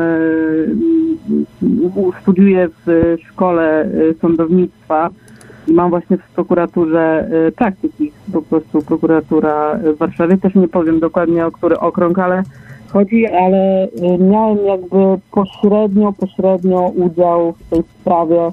Y, Zostawimy właśnie ABW wydanie y, pasji. Y, I to jest właśnie, to jest właśnie, powiem Ci, to jest bardzo gruby. Ja też nie mogę, naprawdę. Chciałbym wiele powiedzieć i przebić się do jakichś mediów. Oczywiście próbowałem napisać anonimowo do Moniki Olejnik. Ja to, to, to, to, co ona później zrobiła, to też w ogóle jest jakaś porażka. No ale czekaj, Próbowałem- Monika Olejnik jest przecież od ze służb, jest oficer służb, to, to jak, do oficera służb? No ja się- właśnie nie, ja, znaczy ja o tym nie wiedziałem, to A. znaczy ja, może inaczej. E, ja dopiero zaczynam tam pracę w tej prokuraturze i jeszcze pewnych rzeczy po prostu no nie, do, tej, do tej całej sprawy zajmowałem się głównie ściganiem wiek 17-latków e, za posiadanie niewielkich ilości marihuany. Nie? O Jezus Więc- Maria, no niewdzięczna robota. No bardzo niewdzięczna, no są też dobre jakieś tam sytuacje, bo staramy się przymykać na to e, oczy, ale dobra, słuchaj, wracając do tematu. Więc y, ja byłem y, jako jeden z niewielu, którzy współpracowali przy tej, y, przy tej sprawie. Y, no ja się spotkałem z takim no, uzasadnieniem, że tutaj jestem młody, jestem nieskażony, wiesz, y, jakimś tam ten y, układami, bo to powiem ci, w tej prokuraturze to jest y, jeden, jeden wielki Oj, to można byłoby naprawdę napisać książkę, naprawdę książkę jedną wielką na ten temat. No zgadza się, po, po polska prostu- prokuratura, tak, to jest, w ogóle prawo jest, polskie jest, jest, jest do kitu. Ja powiem, że tak, że to jest kompletnie do kitu. No tak jak mówię, podejrzewam, że ta stacja, wcale bym się nie zdziwił, gdyby ta stacja była naprawdę na mega odsłuchu, bo czasem się pojawiają... na Znaczy, kto, która stacja? O jakiej stacji mówisz? Że twoja, mówię, że twoja stacja, konkretnie, że wcale bym się nie zdziwił, gdyby ktoś był po prostu przypisany do tego, e, żeby Słuchał, tak? słuchać i... Tak, tak, tak. I to jest po prostu w formie notatek służbowych potem- No, ale to nie ma sensu, bo przecież sprawdzane, można potem sobie odsłuchać MP3. Nie musi ktoś być na etacie ten, do odsłuchania. No wiesz, ale jest tak, że jak to jest na żywo i ty pewne rzeczy mówisz, to może ci się coś wymknie, a z MP3 zawsze możesz wyedytować, tak? Aha, no niby tak. zawsze, na, rozumiesz, na żywo jest zawsze lepiej tego słuchać e, niż, niż, niż później z drugiego źródła. E, także No to by było marnotrawstwo ale- chyba jednak, jednak y, budżet, budżetowe, no, no ale ktoś ja się po Ale ABW nie... są, tacy, są tacy, co robią to po prostu z zamiłowania. Wiesz, naprawdę, że im tam... Naprawdę wierz mi, że są ludzie oddani nieraz, niekoniecznie dobrym sprawom. E, natomiast y, tutaj właśnie dzwonił do Ciebie taki słuchacz y, wcześniej, tak też kątem, naprawdę kątem ucha tego wszystkiego słuchałem, bo tutaj już miałem tych, tych ludzi wokół siebie. I na czym polega problem? No właśnie, Jan B. Ja bym tutaj na miejscu tego faceta no, nie podawał jakby tego nazwiska. Ono się przywija. Mogę tylko tyle powiedzieć, że, że naprawdę ta sprawa być może właśnie Jan B. E, czy to jest jego pseudonim jakiś, ja nie jestem pewien, to nazwisko rzuciło mi się, kiedy sporządzaliśmy właśnie tak zwaną e, listę osób podejrzewanych. Tyle mogę powiedzieć. Pojawił tam się jeszcze e, jeden e, Ale w jakiej sprawie? Nie możesz powiedzieć w jakiej sprawie. w tej sprawie właśnie z taśmami. W tej sprawie z taśmami. Mhm. Kiedy spo, bo zawsze sporządzamy taką, wiesz, y, listę osób podejrzewanych, nie? Listę osób podejrzewanych. Y, I to, to nie są tacy jeszcze nie są podejrzani, nie są na tym etapie, kiedy są już, wiesz, przedstawione im wyrzuty i tak dalej. Tak zwane, to jest tak zwany krąg osób y, w zainteresowaniu. Która po prostu podlega y, na przykład sprawdzeniu, czynnościom operacyjno-rozpoznawczym, rozpytaniu, No nie, no- następnie Mhm. wiesz, Bo może zostawmy tą sprawę, bo ja naprawdę z rzeczami polskimi tak nie, nie za bardzo chciałbym się zajmować, bo jest, jest mnóstwo różnych, em, bym powiedział, wiesz, e, s- spraw w Polsce, nie? Ale wydaje, nie wydaje się, że to jest jakoś powiązane z całą tą... Bo zobacz, spotykają się Bilderbergowie, bie- bierze tam też udział mnóstwo no nie jest powiązane, no nie jest powiązane. No. Dzisiaj, dzisiaj się dowiaduje, że ktoś wyprzedaje gigantyczne ilości złotówki i osobia naszą walutę. No to, Mhm. to, to nie wydaje mi się, że to, że to może być niepowiązane. Raczej, ra, raczej nie sądzę, bo ym, tam y, załatwia się interesy potężniejsze. Tam przyjeżdżają miliarderzy, tam przyjeżdżają trylionerzy, to znaczy, y, przepraszam, bilionerzy, tak to się mówi, bo y, ma, mamy milio, milionerów, a potem mamy bilionerów. Jak na przykład Rockefellerowie, Rothschildowie, czy ich wysłannicy. I y, dla nich y, zrobienie interesu na Polsce, żeby tam zarobić, nie wiem, 100 miliardów, czy 200 miliardów, y, żeby coś tam zrobić, to jest zadanie dla Sorosza, który tam ma, nie wiem, 100 miliardów, czy tam 50 miliardów, też nie wiadomo dokładnie ile on ma. To dla niego jest dobry interes, on takie interesy lubi, George Soros. Natomiast to jest blotka, to jest, to jest płotka, o, o, o kim się mówi dużo, o Soroszu, ale, ale są ludzie dużo więksi, którzy po prostu są właścicielami banków, są właścicielami mennic. Y, Mennic w sensie mm, nie fizycznym, bo to nie ma, nie ma znaczenia, kto, jest, kto drukuje, tak, fizycznie. Tylko mennic, tak jak Fedu na przykład są właścicielami, tak? Czyli mennic faktycznych mennic, którzy, którzy odpowiadają za pieniądze i którzy emitują te pieniądze. I to, to są tak- potężne tak interesy, to są biliony, to są biliony dolarów. To są takie pieniądze, rocznie oni przerzucają, nie wiem, 50 bilionów dolarów na przykład. To po prostu sumy, które, które są dla nas niewyobrażalne, no. A takie pytanie, bo ja tutaj trochę, wiesz, wspierałem tam o tych właśnie grupach i spotkałem na komisję trójstronną. Komisja trójstronna, coś stworzonego przez y, Dawida Rockefellera Tak. y, i y, tak zwanego Dawida R., chociaż jego nazwisko prawdziwe to, to, to też nie wiadomo jakie jest. I muszę powiedzieć, że jestem naprawdę przerażony tym, co, co, co, co tutaj czytam na ten temat, bo na liście właśnie osób, które się tam znajdują, między innymi był Janusz Palikot, e, Andrzej Olechowski, który się właśnie przywijał, założyciel Platformy, Marek Belka, który teraz wiadomo, co się z nim dzieje, więc to jest na pewno powiązane, a także Jerzy Baczyński, redaktor naczelny tygodnika Polityka.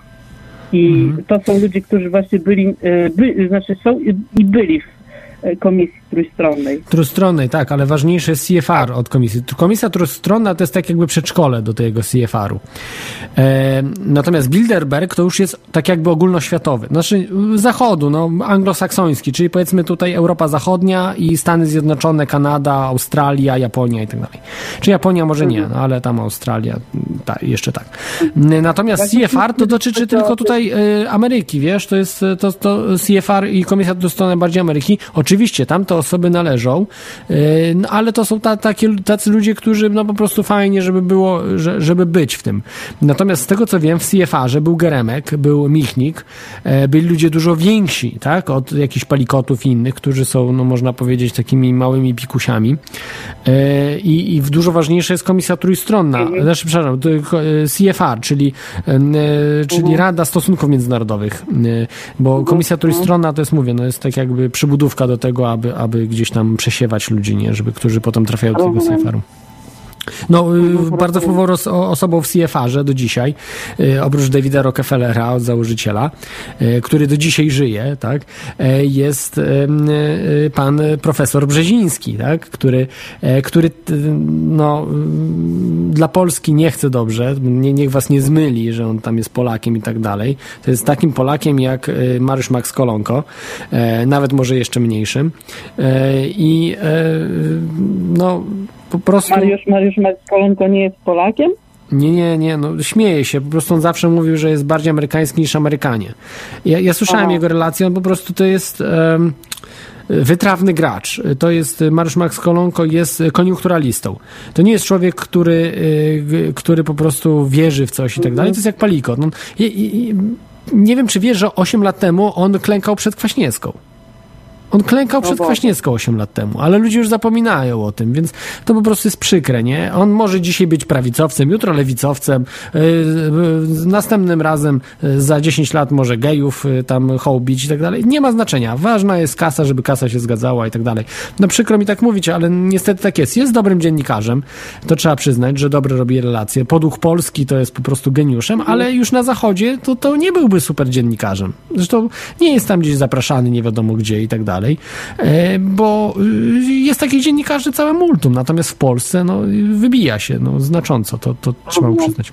No dobra, to dzięki, że mi wszystko wyjaśniłeś. Ja już Dzie, dzięki, no także, także wiesz, tą aferą, y, y, to, to co, co mogę powiedzieć, to, to, są, to są rozłączne rzeczy, to, to znaczy w Polsce nagrywają, dają się nagrywać, natomiast Bilderberg od 60 lat nie daje się nagrywać, także trzeba się uczyć od Bilderbergów, jak można 60 lat w tajemnicy coś utrzymać, tam dziesiątki tysięcy ludzi się przerzuciły, dziesiątki tysięcy No ludzi i nic nie wiemy, nic, żaden z nich pary nie puścił, y, nie ma żadnego nagrania, także, także widać, nie, że profesjonalizm tych elit zachodnich w stosunku do Polski, no i a tutaj minister spraw wewnętrznych, który ma nad, pod sobą, prawda, ABW, ma y, BOR, ma, ma y, różne, różne inne instytucje, y, policję ma pod sobą, Słuchaj, nic. ja mam takie pytanie, y, bo ja wiem, że tego radia, podejrzewam, że tego radia też słucha dwóch takich moich znajomych.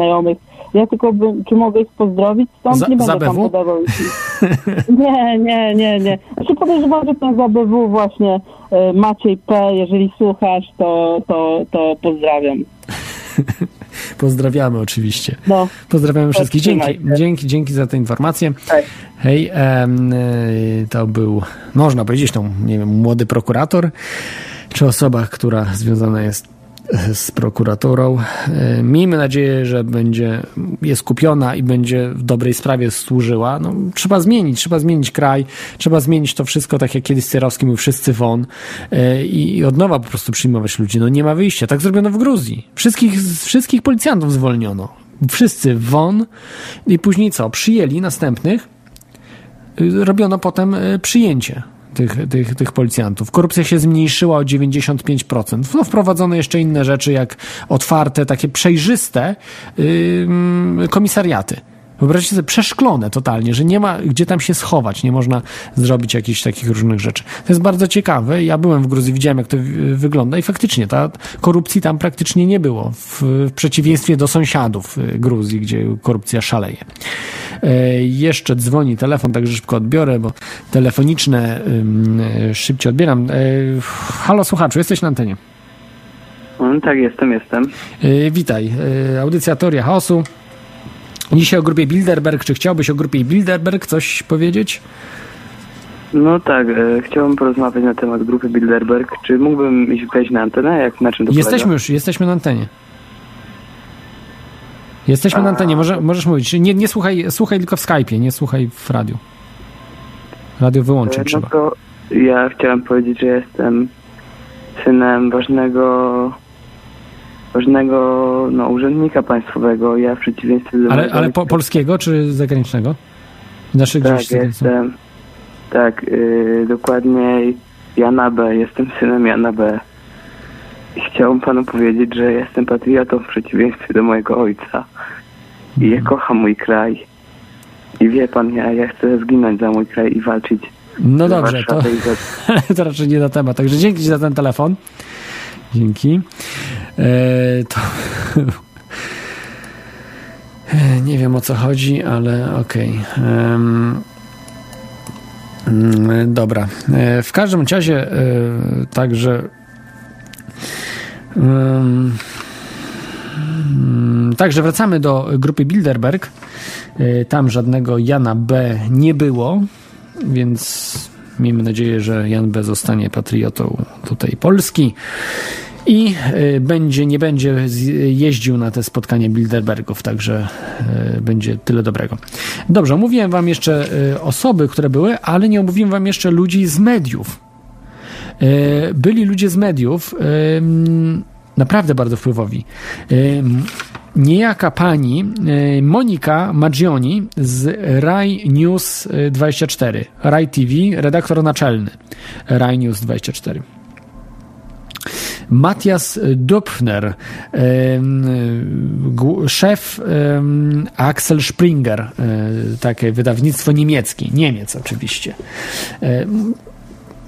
Kolejna osoba z mediów, Natalie e, Norge, Norgerd z Le Monde, e, to jest zastępca redaktora naczelnego, to jest gazeta, bardzo znana, wpływowa gazeta, coś jak w Polsce Gazeta Wyborcza, nie? To tam właśnie taka lewicowa w, we Francji. Co prawda lewicowa we Francji to y, w Polsce chyba byłaby już ultralewicowa, lewacka, nie? Czyli taka bardziej lewicowa niż Gazeta Wyborcza wręcz Le Monde. Jeszcze jest we Francji Le Monde Diplomatique, ale to Le Monde Diplomatique to już jest trockistowska gazeta, także zupełnie co innego. Mm, e, I, I te osoby były. Jeszcze była osoba z Belgii, chyba, jeśli z tego dobrze pamiętam, e, czy ktoś jeszcze z mediów był tam. I te osoby były z mediów, e, te trzy, cztery osoby, i nic i tak w mediach, ich mediach, e, które podlegają tym osobom, nic się nie ukazało. Nawet zmianka o tym, że, że się ludzie w, w, właśnie mm, w, w hotelu w Kopenhadze, że takie spotkanie miało miejsce. Za chwilę jeszcze Wam powiem, co udało mi się nagrać. Jeszcze odbiorę e, jeden telefon. Em, witaj słuchaczu, z nami jest to ja.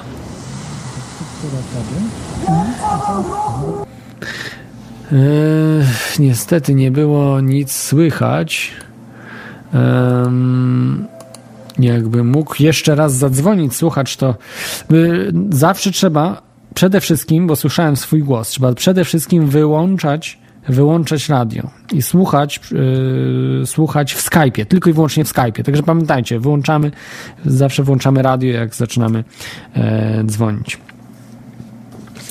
E, dobrze, e, więc udało mi się, wyobraźcie sobie, nagrać czy zrobić zdjęcia, które są dostępne na Facebooku. Jak wejdziecie na Facebooka Radio na Fali, radionafali.com, y, są tam dwa zdjęcia do zobaczenia.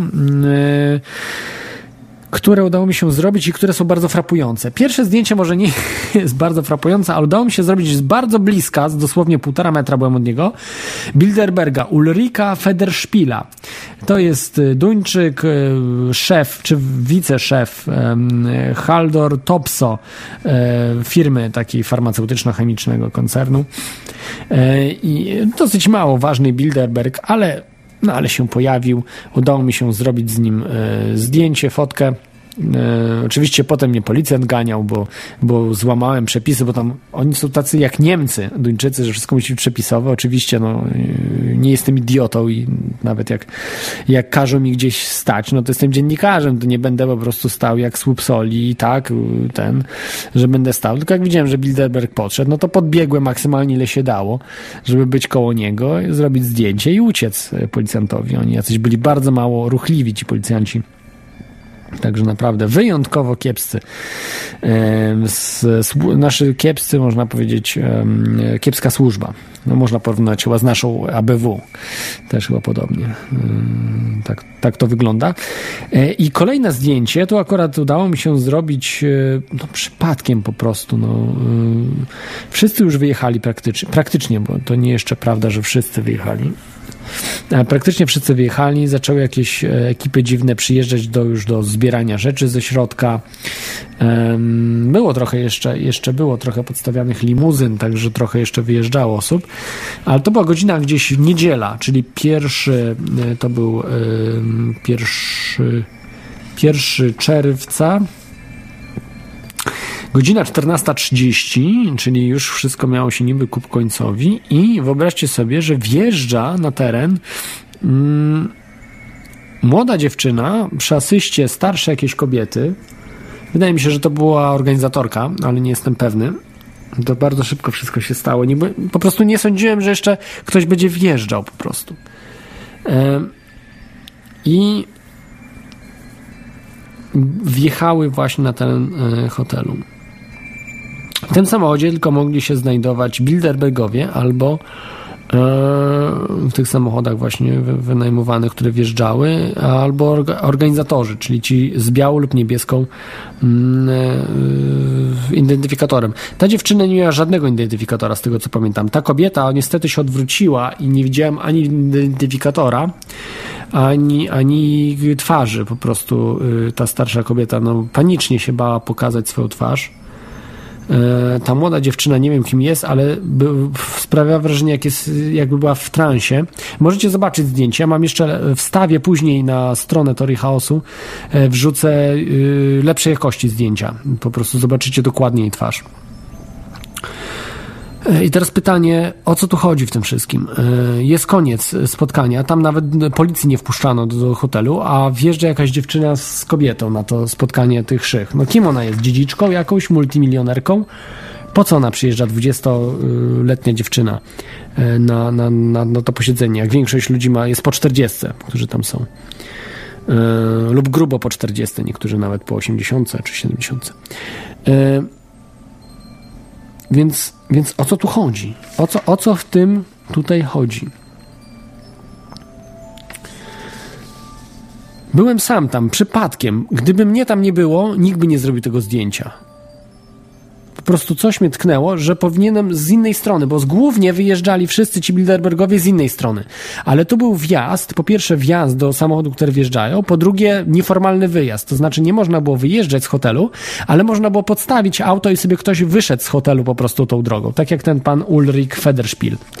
E, także tam byłem, e, no, e, niektórzy się po prostu też wkur, wkurzyli mnie, niektórzy mm, e, ci, ci z mediów alternatywnych się bali, bo mówiłem, no możemy zostać spałowani, czy jak, no bo ja tam będę po prostu podchodził, jak ktoś przyjedzie, to ja po, po prostu do samego podejdę, mm, do samego y, Bilderberga, czy, czy właśnie tak jak w tej, tej, tej dziewczyny i tej, tej kobiety w tym samochodzie.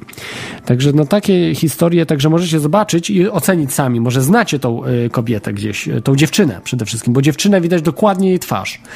Jak mówiłem, wstawię jeszcze lepsze, lepsze zdjęcie na stronie będzie, także, także będziecie mogli zobaczyć. Witaj Teflonie, jesteś na antenie. Dobry, dobry. Witam wszystkich e, otwartym sercem i e, ustami, e, że tak powiem. Czy mnie słychać? Tak, bardzo dobrze słychać, słychać, jesteś na antenie, tak. No bo tutaj jakieś guziczki mi Nie, wyskakują. nie, wsz- wszystko, wszystko jest okej. Możesz mówić. Coś o grupie Bilderberg zapewne chciałeś powiedzieć. Pewnie tak. E, Coś przyciszę, bo chyba nie wiem, czy się nie Nie, wszystko dobrze jest. Nic tam nie, nie, nie majtruj, wszystko dobrze. Dobra. E, No więc e, do tej pory nie udało mi się zobaczyć tego zdjęcia, bo słuchałem na żywca o tym właśnie twoim, e, już może słynnym, e, super tam ujęciu. E, Nie wiem dlaczego jakoś tam nie mogę znaleźć, ale Na, na, nieważne. e, na Facebooku jest na, na razie, na Facebooku Radio na Fali. E, Jest tam, trzeba gdzieś przejść po prostu, są, w, czyli przejść Mhm. do powiedzmy, nie wiem, to do pierwszego, pierwszego, drugiego, trzeba przejść do pierwszego, drugiego czerwca. Czyli tam Ale trochę jak- dwa jak tygodnie w dół. Szukuję Facebook y, Radio na Fali, to mi wyskakuje takie jakieś śmieszne coś z gitarą i, i takim śmiesznym obrazkiem. To jakby nie, nie waszego radia, tylko czegoś innego, a może nie mogę sobie poradzić. Może... Cenzurują może, nie wiem. No, pierwsze z brzegu wyskakuje mi jakby inny profil chyba niż powinien. No ale nieważne. Mm, e, Słuchaj, bo mówisz, że te, te, ten, mm, ten cały, y, ta, ta cała grupa i te, te całe spotkania są tak, e, tak ważne i tak dalej. No ale zastanawiając się nad tym, jak długo to trwa, e, jak wiele spraw na świecie może być do omówienia, E, Dlaczego zapraszają takich pionków właśnie e, z Polski, którzy w ogóle są, e, nie warto im wierzyć, to są sprzedawczycy i, i pierwszy, który może wnieść podsłuch albo cokolwiek, to właśnie taki kwak czy ktokolwiek inny. E, To mi się wydaje dziwne, że, że, że ta grupa ma mieć tak, tak wielkie znaczenie, jeżeli takich ludzi do siebie wpuszcza. No, tam, tam nie da się w niej za bardzo podsłuchów, bo jest wykrywacz metali. Tam wszystko jest po prostu obstawione sprzętem do wykrywania. Jest na każdym poziomie jest wykrywacz metalu. Od razu wchodzisz do hotelu, masz wykrywacz metalu. Także to jest tak jak na lotnisku, przeszukiwania. Wszystko jest absolutnie absolutna dyskrecja i absolutne traktowanie wszystkich, e, że są e, podejrzanymi od razu. No na przykład, nie? Tylko, że, że też właśnie kwestia tego, że dlaczego takie pionki, nie? No przecież... y, To No wiesz, Kwaśniewski, nie, nie, nie taki pionek, e, agent Rosji, e, czy, przepraszam, nie Rosji, Związku Radzieckiego, e, e, 10 lat był prezydentem Polski, no, kraju, który ma budżet roczny, nie wiem, tam 100 milionów czy, czy, czy ileś e, dolarów, czyli do, dosyć, dosyć już jakieś, jakieś pieniądze. Tak, no ale to jest, to jest raczej człowiek ale bardziej do nie, nie, nie do podejmowania, do nie podejmowania decyzji, tylko do wykonywania już, tak samo jak Rostowski. Przecież y, to, co ostatnio za, za swojego tam y, panowania Rostowski zrobił z Polską, tego się już nie, nie poprawi. To jest, to jest udupienie. To, to, co zrobił Rostowski z Polską, naprawdę po prostu piękna sprawa. Ym, y, Majstersztyk i gratulacje dla niego. Więc to są raczej wykonawcy, a nie, a nie myśliciele, tak mi się wydaje. Nie, nie, no tak, zapraszam, no zgadzam się, że, że Kwaśniec, Kwaśniewski jest koniunkturalista. On po prostu walczył, y, zapraszano go, bo on chciał bardzo dostać szefa NATO. No niestety nie dostał, bo okazał się zbyt y, miękkim, że, że y, trochę z Ukrainą, trochę z ruskimi chciał współpracować, trochę z Unią. Tak się nie da, albo z Unią, albo z, z Rosją. Mhm. No na pewno właśnie o to chodzi. Mm, Dlatego mm, też inna sprawa, nie, że mm, nie wiem, wydaje mi się, że świat ogólnie tak myśli na przykład o e, też o Polsce, że, że a propos tych, że, na, na przykład jakieś tam śmieszna tarcza antyrakietowa czy takie rzeczy, nie, że przy, przywiozą jakieś wydmuszki, bo, bo to naprawdę to, to nie warto nam ufać, chociaż naprawdę mamy dobre położenie na to, żeby w miejsce, które, które mogłoby chronić właśnie na przykład te Stany Zjednoczone przed z jakiejkolwiek strony, no, e, to po prostu nie warto ufać takim, takim e, sprzeda, sprzedajnym ludziom. Mm, Co, co do na przykład jakichś konkretnych e, broni, czy technologii, czy czym, czegokolwiek. No. Mm, Takie mam zdanie o, o naszych rządzących. Mhm. Y, rozumiem, o, o, o tych rządzących, czy, czy o tych, którzy przyjeżdżają z Polski na No tak, no i y, grupę pójdźmy dalej, nie? że, że mm, przyjeżdżają, no i co? I, mm, Ten, to jest naprawdę dość krótka sprawa. I to jest taka według mnie pokazówka. Jak mówisz, że jest jakaś strona internetowa, jest to ogólnie znane i tak dalej, mm, czy to w ogóle ma, ma jakieś, czy to nie jest pokazówka w ogóle dla, dla publiki? Nie, nie, ze względu na to, że oni chcieli to utrzymać w tajemnicy. Zobacz, y, do dzisiaj, jeżeli by to była pokazówka, to nie chcieliby, żeby media o tym mówiły, a absolutnie żadne media nie mówiły. Mało tego, tutaj taka ciekawostka, bo znalazłem e, artykuł e, na y, TVN24, niestety tutaj na innym komputerze widzę, e, znalazłem artykuł na te, te, tak, TV, TVN, zaraz się to ja miałem. E, No ale no tak, jakiś tam TF, TF, TVN24 i wiesz co napisano, jak, jak kłamią po prostu, że jedna osoba wdarła się do, na obrady, wdarła się do tego hotelu, no co jest, jest kompletnym absurdem, no. Tak po prostu kłamią e, w tych mediach, że to polskie media akurat, e, tak kłamią. Ja Mhm. byłem tam na miejscu, nikt się nie wdarł, tam nie było opcji. Jeden próbował zbliżyć się tylko, to od razu zbliżyć, do ogrodzenia się zbliżył po prostu, nie do, nie do y, hotelu, tam jeszcze miał z 5 metrów, żeby wejść do, do hotelu. Hotelu, do wejścia do hotelu, zbliżył się, to od razu go wciągnęli i w- pobili w pięciu. Pięciu policjantów go skopało. I także wylądował y, potem jeszcze na ten, y, obdukcję chyba miał robioną, ale, ale na pewno y, wylądował w, w areszcie. Więc, więc nie ma o czym mówić, że, że, że ktoś tam się mógł przedrzeć. Nie, nie, dało, nie dało rady. Jeden, mówię, no, jeden drona próbował po prostu uruchomić i, i polecieć, to nie zdążył, od razu się na niego rzucili, nie? I, i w ogóle nawet nie zdążył, nie, nie, tylko do góry się uniósł lekko, już go obezwładnili i, w ogóle... y, Czyli jednak działało jakoś tam. e, no, jakoś no tam. działała, no jeżeli ktoś był tak na, naiwny, że po prostu tego drona uruchamiał na, na oczach tych policji, no to, no to No. było trochę głupie, bo on, on myślał, że co, że on poleci tam i zaraz trzeba było się Tak, schować ale gdzieś, tak, nie? Ale tak w ogóle to co myślisz? Bo przecież to jest mało realne tak na zdrowy rozum, żeby tam przez, y, przez ten krótki czas, chłopie, jak, jak to można chłopie, myśleć nad, nad, nad takimi wielkimi rzeczami, jak to wiesz? Co się ma stać z Polską, co się ma stać z tamtym, z tam, Nie, no, kiedy oczywiście wojna. wys- Wystarczający jest czas na to. Wystarczający. Tam są, tam są y, prelekcje, to znaczy wykłady y, są właśnie w tematach. My nie dokładnie nie wiemy, my znamy tylko ogólne tematy. Na tej stronie Bilderberg Meeting można sobie zobaczyć. Mm, y, Jest, są podane, absolutnie. mm, Informacje na oficjalnej stronie właśnie Bil- No ale Bilderbergów. zobaczę. Mhm. Mm, I y, jest Bilderberg Meetings ORG. Przepraszam. Okej. Y, Bilderberg Meetings ORG i jest po prostu były, y, były y, są y, napisane tematy, y, ja- jakie, jakie były omawiane. Y, Tylko, No że, że, że właśnie te tematy są nie do końca, nie do końca są zgodne. Mhm. No ale, ale wiesz, a propos planowania, na przykład jeżeli ma być na przykład jakiś wykład, no nie, to musi być cała ekipa do planowania, musi być porozumienie z innymi jakby państwami, nie wiem, y, y, nawet tutaj słuchacz powiedział o jakimś tam wykupie złotówki, o którym nie, nie wiem, ale tak, tak się robi na całym świecie, jak chce się, chce się zniszczyć ym, albo po, podbudować, to różne tam waluty czy, czy cokolwiek innego, to tak się robi, są, są zmowy i giełda ma bardzo duże znaczenie.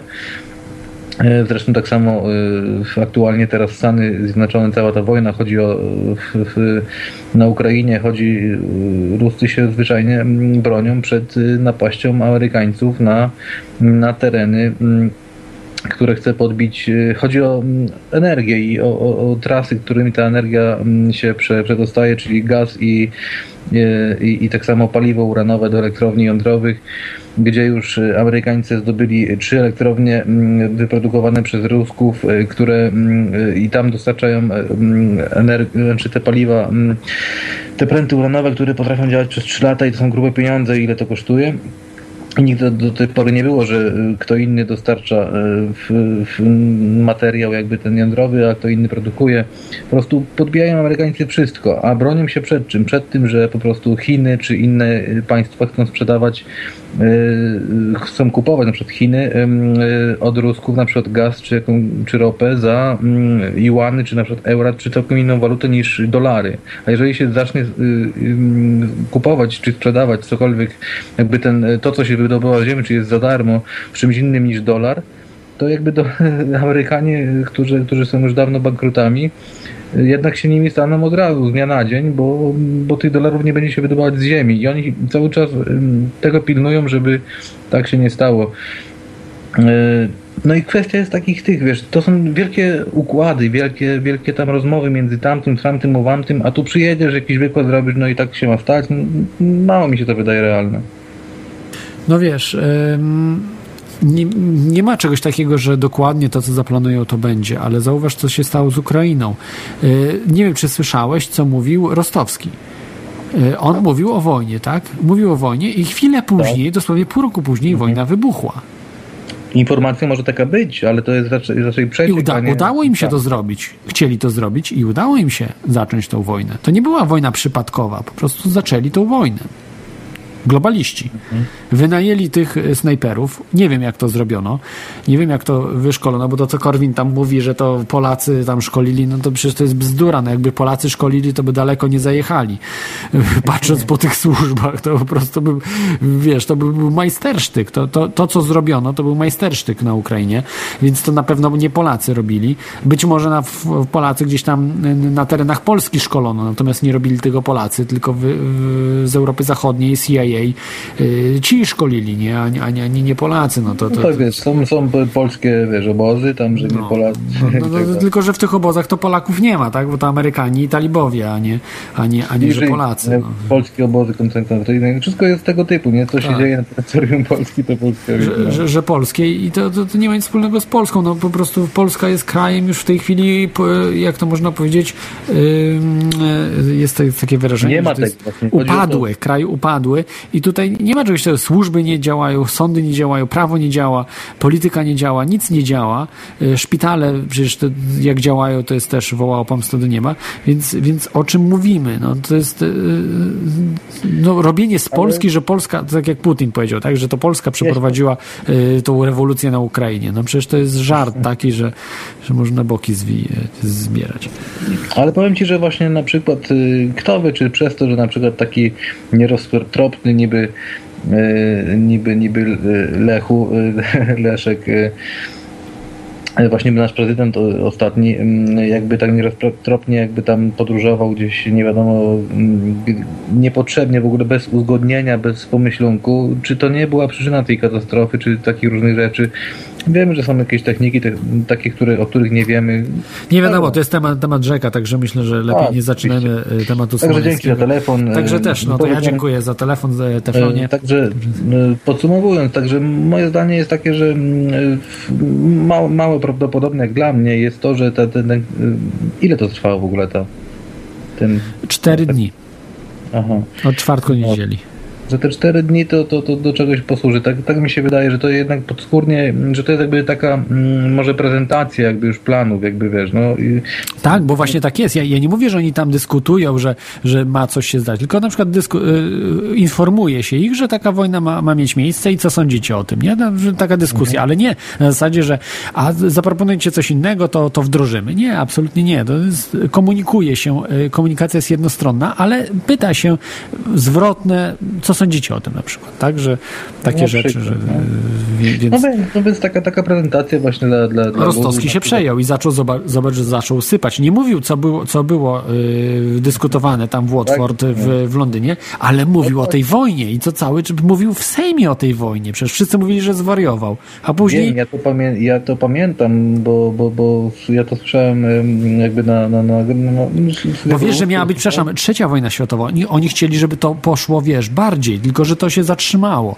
Oni chcieli, To żeby był konflikt bardziej, to, to olbrzymi. pewno nie pójdzie bardziej, ale to doprowadzi, wiesz, to, cały ten konflikt, z mojej wiedzy wynika tak, że mm, ten konflikt ogólnie mm, żadnej wojny nie zrobi, tylko to zrobi rewolucję w cenach paliw i jakby mm, y, zrobi, y, y, potrafi podnieść na nogi ogólnie cały tak zwany Bliski Wschód, nie? czyli te wszystkie islamy, nie islamy, całe te kraje. One teraz, mm, jeżeli ta, ta, ta ropa będzie za droga i po, po, po, powoli na Iran tak samo się szykują Stany mm, z Żydami, y, to wszystko się powoli zacznie jednoczyć. Jeżeli będzie cena y, surowca, który, który mają na tyle wysoka i przez tą właśnie śmieszne tutaj dzisiaj zagrywki tak się będzie działo, y, doprowadzi to do, do po prostu jednoczenia się tych krajów właśnie islamskich i do y, rośnie, rośnięcia ich w siłę i to do, doprowadzi właśnie do tej trzeciej wojny. Taka jest moja... No zobaczymy, no aby nic nie doprowadziło do tej wojny, także, także to od nas zależy, bo jeżeli się przeciwstawimy temu, to nie będzie żadnej wojny, także to Ja ci powiem, że, że ja czekam na tą wojnę, a wiesz dlaczego? Bo mi się ten świat, zwyczajnie, bo mi się ten, roz, ten No ale świat to nie zmienia i to nie naprawdę wojna tylko pogorszy ten świat, rozumiesz? Że wojna spowoduje, że Można- będzie 10 można razy gorzej.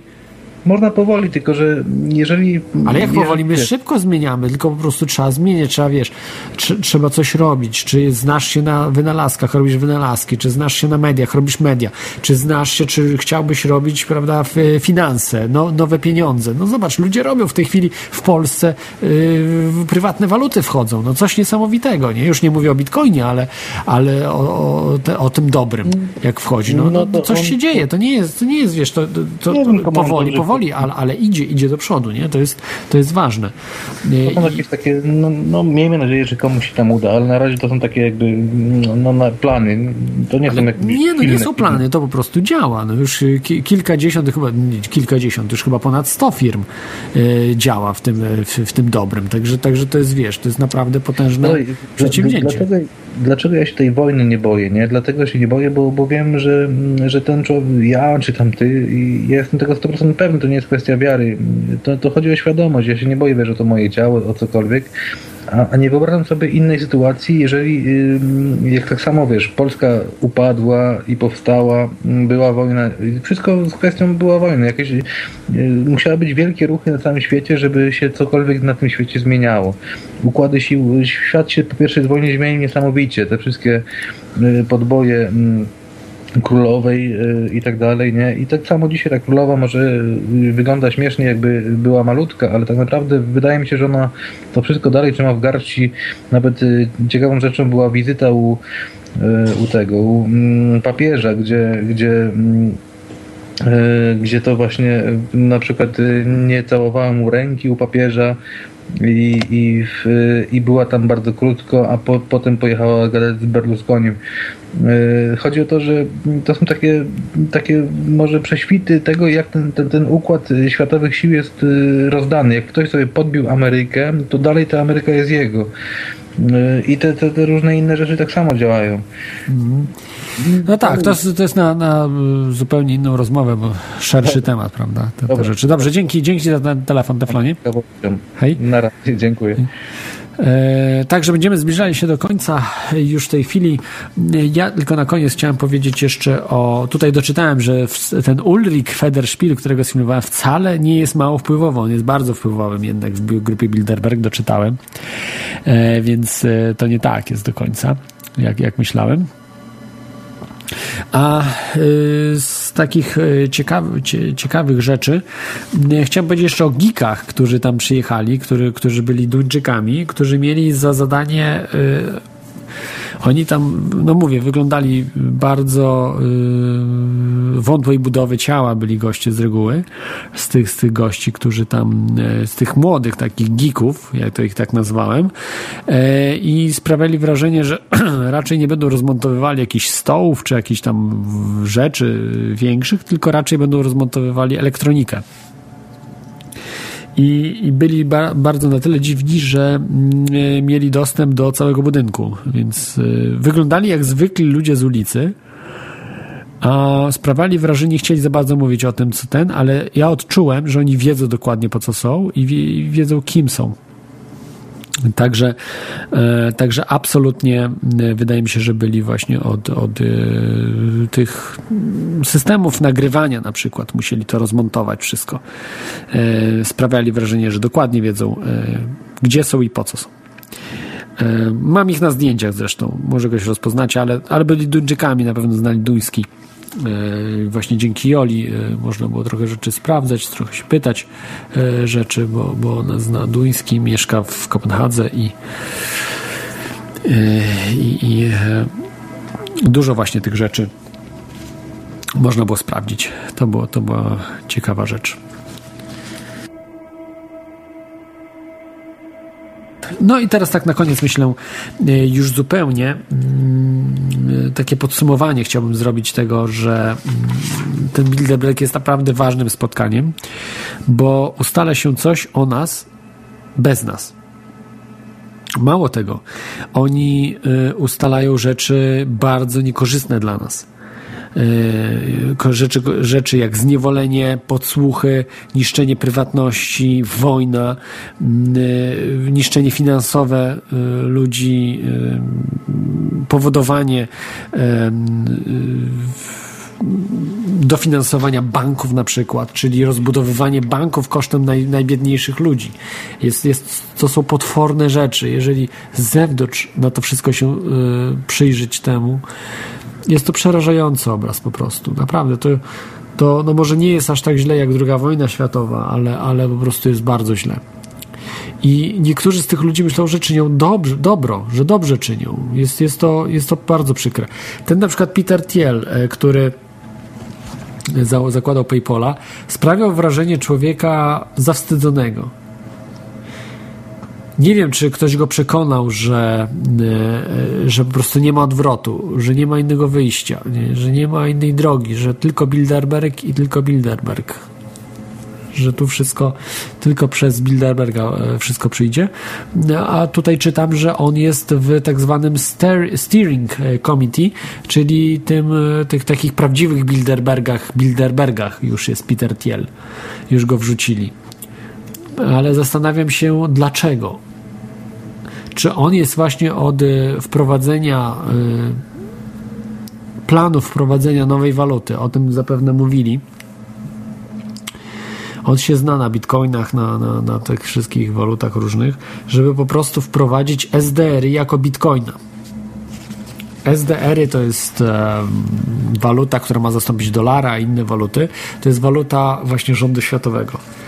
E, Jakoś to może inaczej nazwą, no bo SDR to jakoś, jakoś nie brzmi dobrze.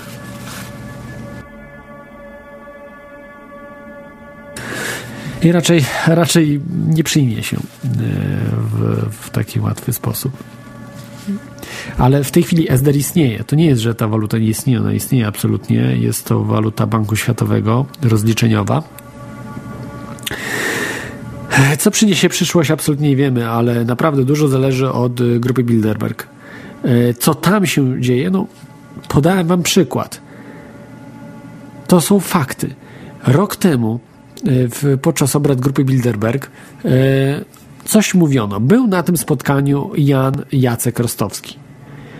Po tym spotkaniu pojechał jeszcze na, była tuż po, zazwyczaj jest właśnie spotkanie grupy G7, czy G20, czy, czy właśnie te, yy, czy, czy, czy, mm, czy, czy spotkania właśnie Davos i te inne, yy, tym podobne, yy, czy szczyty unijne, bo to chyba był szczyt unijny i tuż po szczycie unijnym Rostowski mówi o wojnie. Nikt nie skojarzył, że być może właśnie to wszystko już było ustalane y, podczas obrad grupy Bilderberg. On się, on wyraźnie był przerażony. On był przerażony, jak mówił na mównicy sejmowej, był przerażony, rezygnował e, ze stanowiska. Niektórzy mówią, że go zdymisjonowano. Właśnie z tej afery taśmowej wynikało, że po prostu Belka go nie lubił.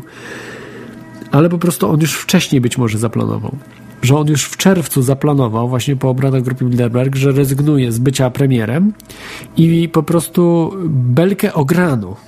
Tak jak mówiłem, Belkę ograno, że, że zaproponowano właśnie to, że będzie, czy Belka chciał, żeby zdymisjonowano e, e, Rostowskiego, a okazuje się, że on sam po prostu chciał zrezygnować, chciał wyjechać, bo on nie chciał być w Polsce, bo wiedział, że tu będzie wojna. I była wojna. Sześć miesięcy później była wojna. Jak to wytłumaczyć?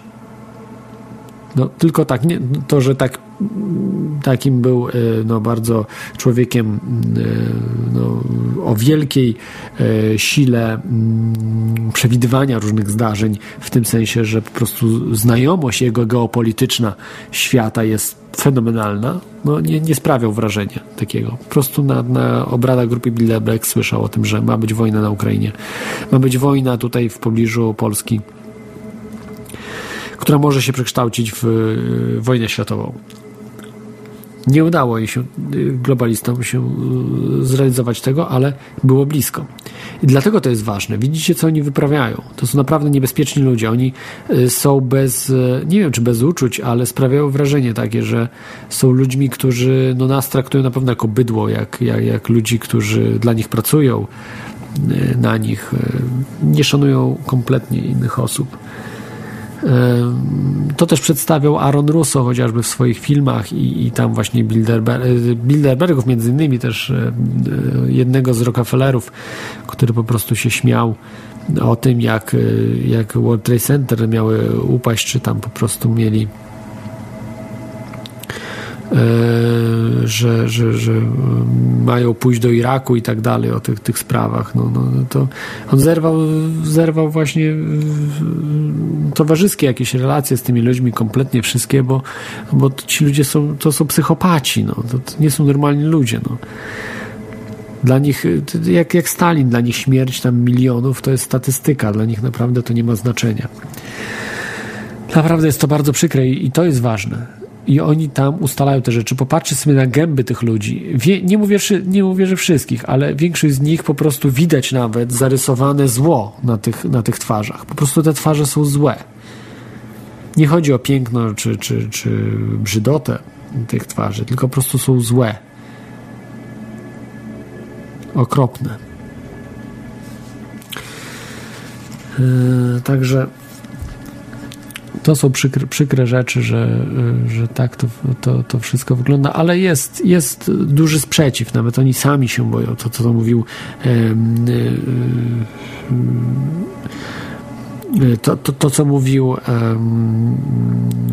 Brzeziński, Zbigniew Brzeziński właśnie, że, że ludzie się budzą, że jest bardzo źle, że jest bardzo źle, bo ludzie się budzą, że internet jest, że właśnie przebudzenie polityczne i po prostu nie mogą nic realizować, bo wszystko ludzie wiedzą. Wszystko wiedzą, a powinni być e, tępymi masami. Jest zupełnie inaczej. Więc e, to jest myślę ważna sprawa. No, jest jeszcze, większość ludzi w ogóle nie ma zielonego pojęcia, co się dookoła nich dzieje. No, dla nich ich obchodzi tylko, żeby nowy samochód kupić, ale z takimi ludźmi nawet nie ma sensu gadać. No, ja wam nie doradzam rozmawiać z takimi ludźmi o tych sprawach, bo i tak wam nie uwierzą i takich to nie będzie interesowało.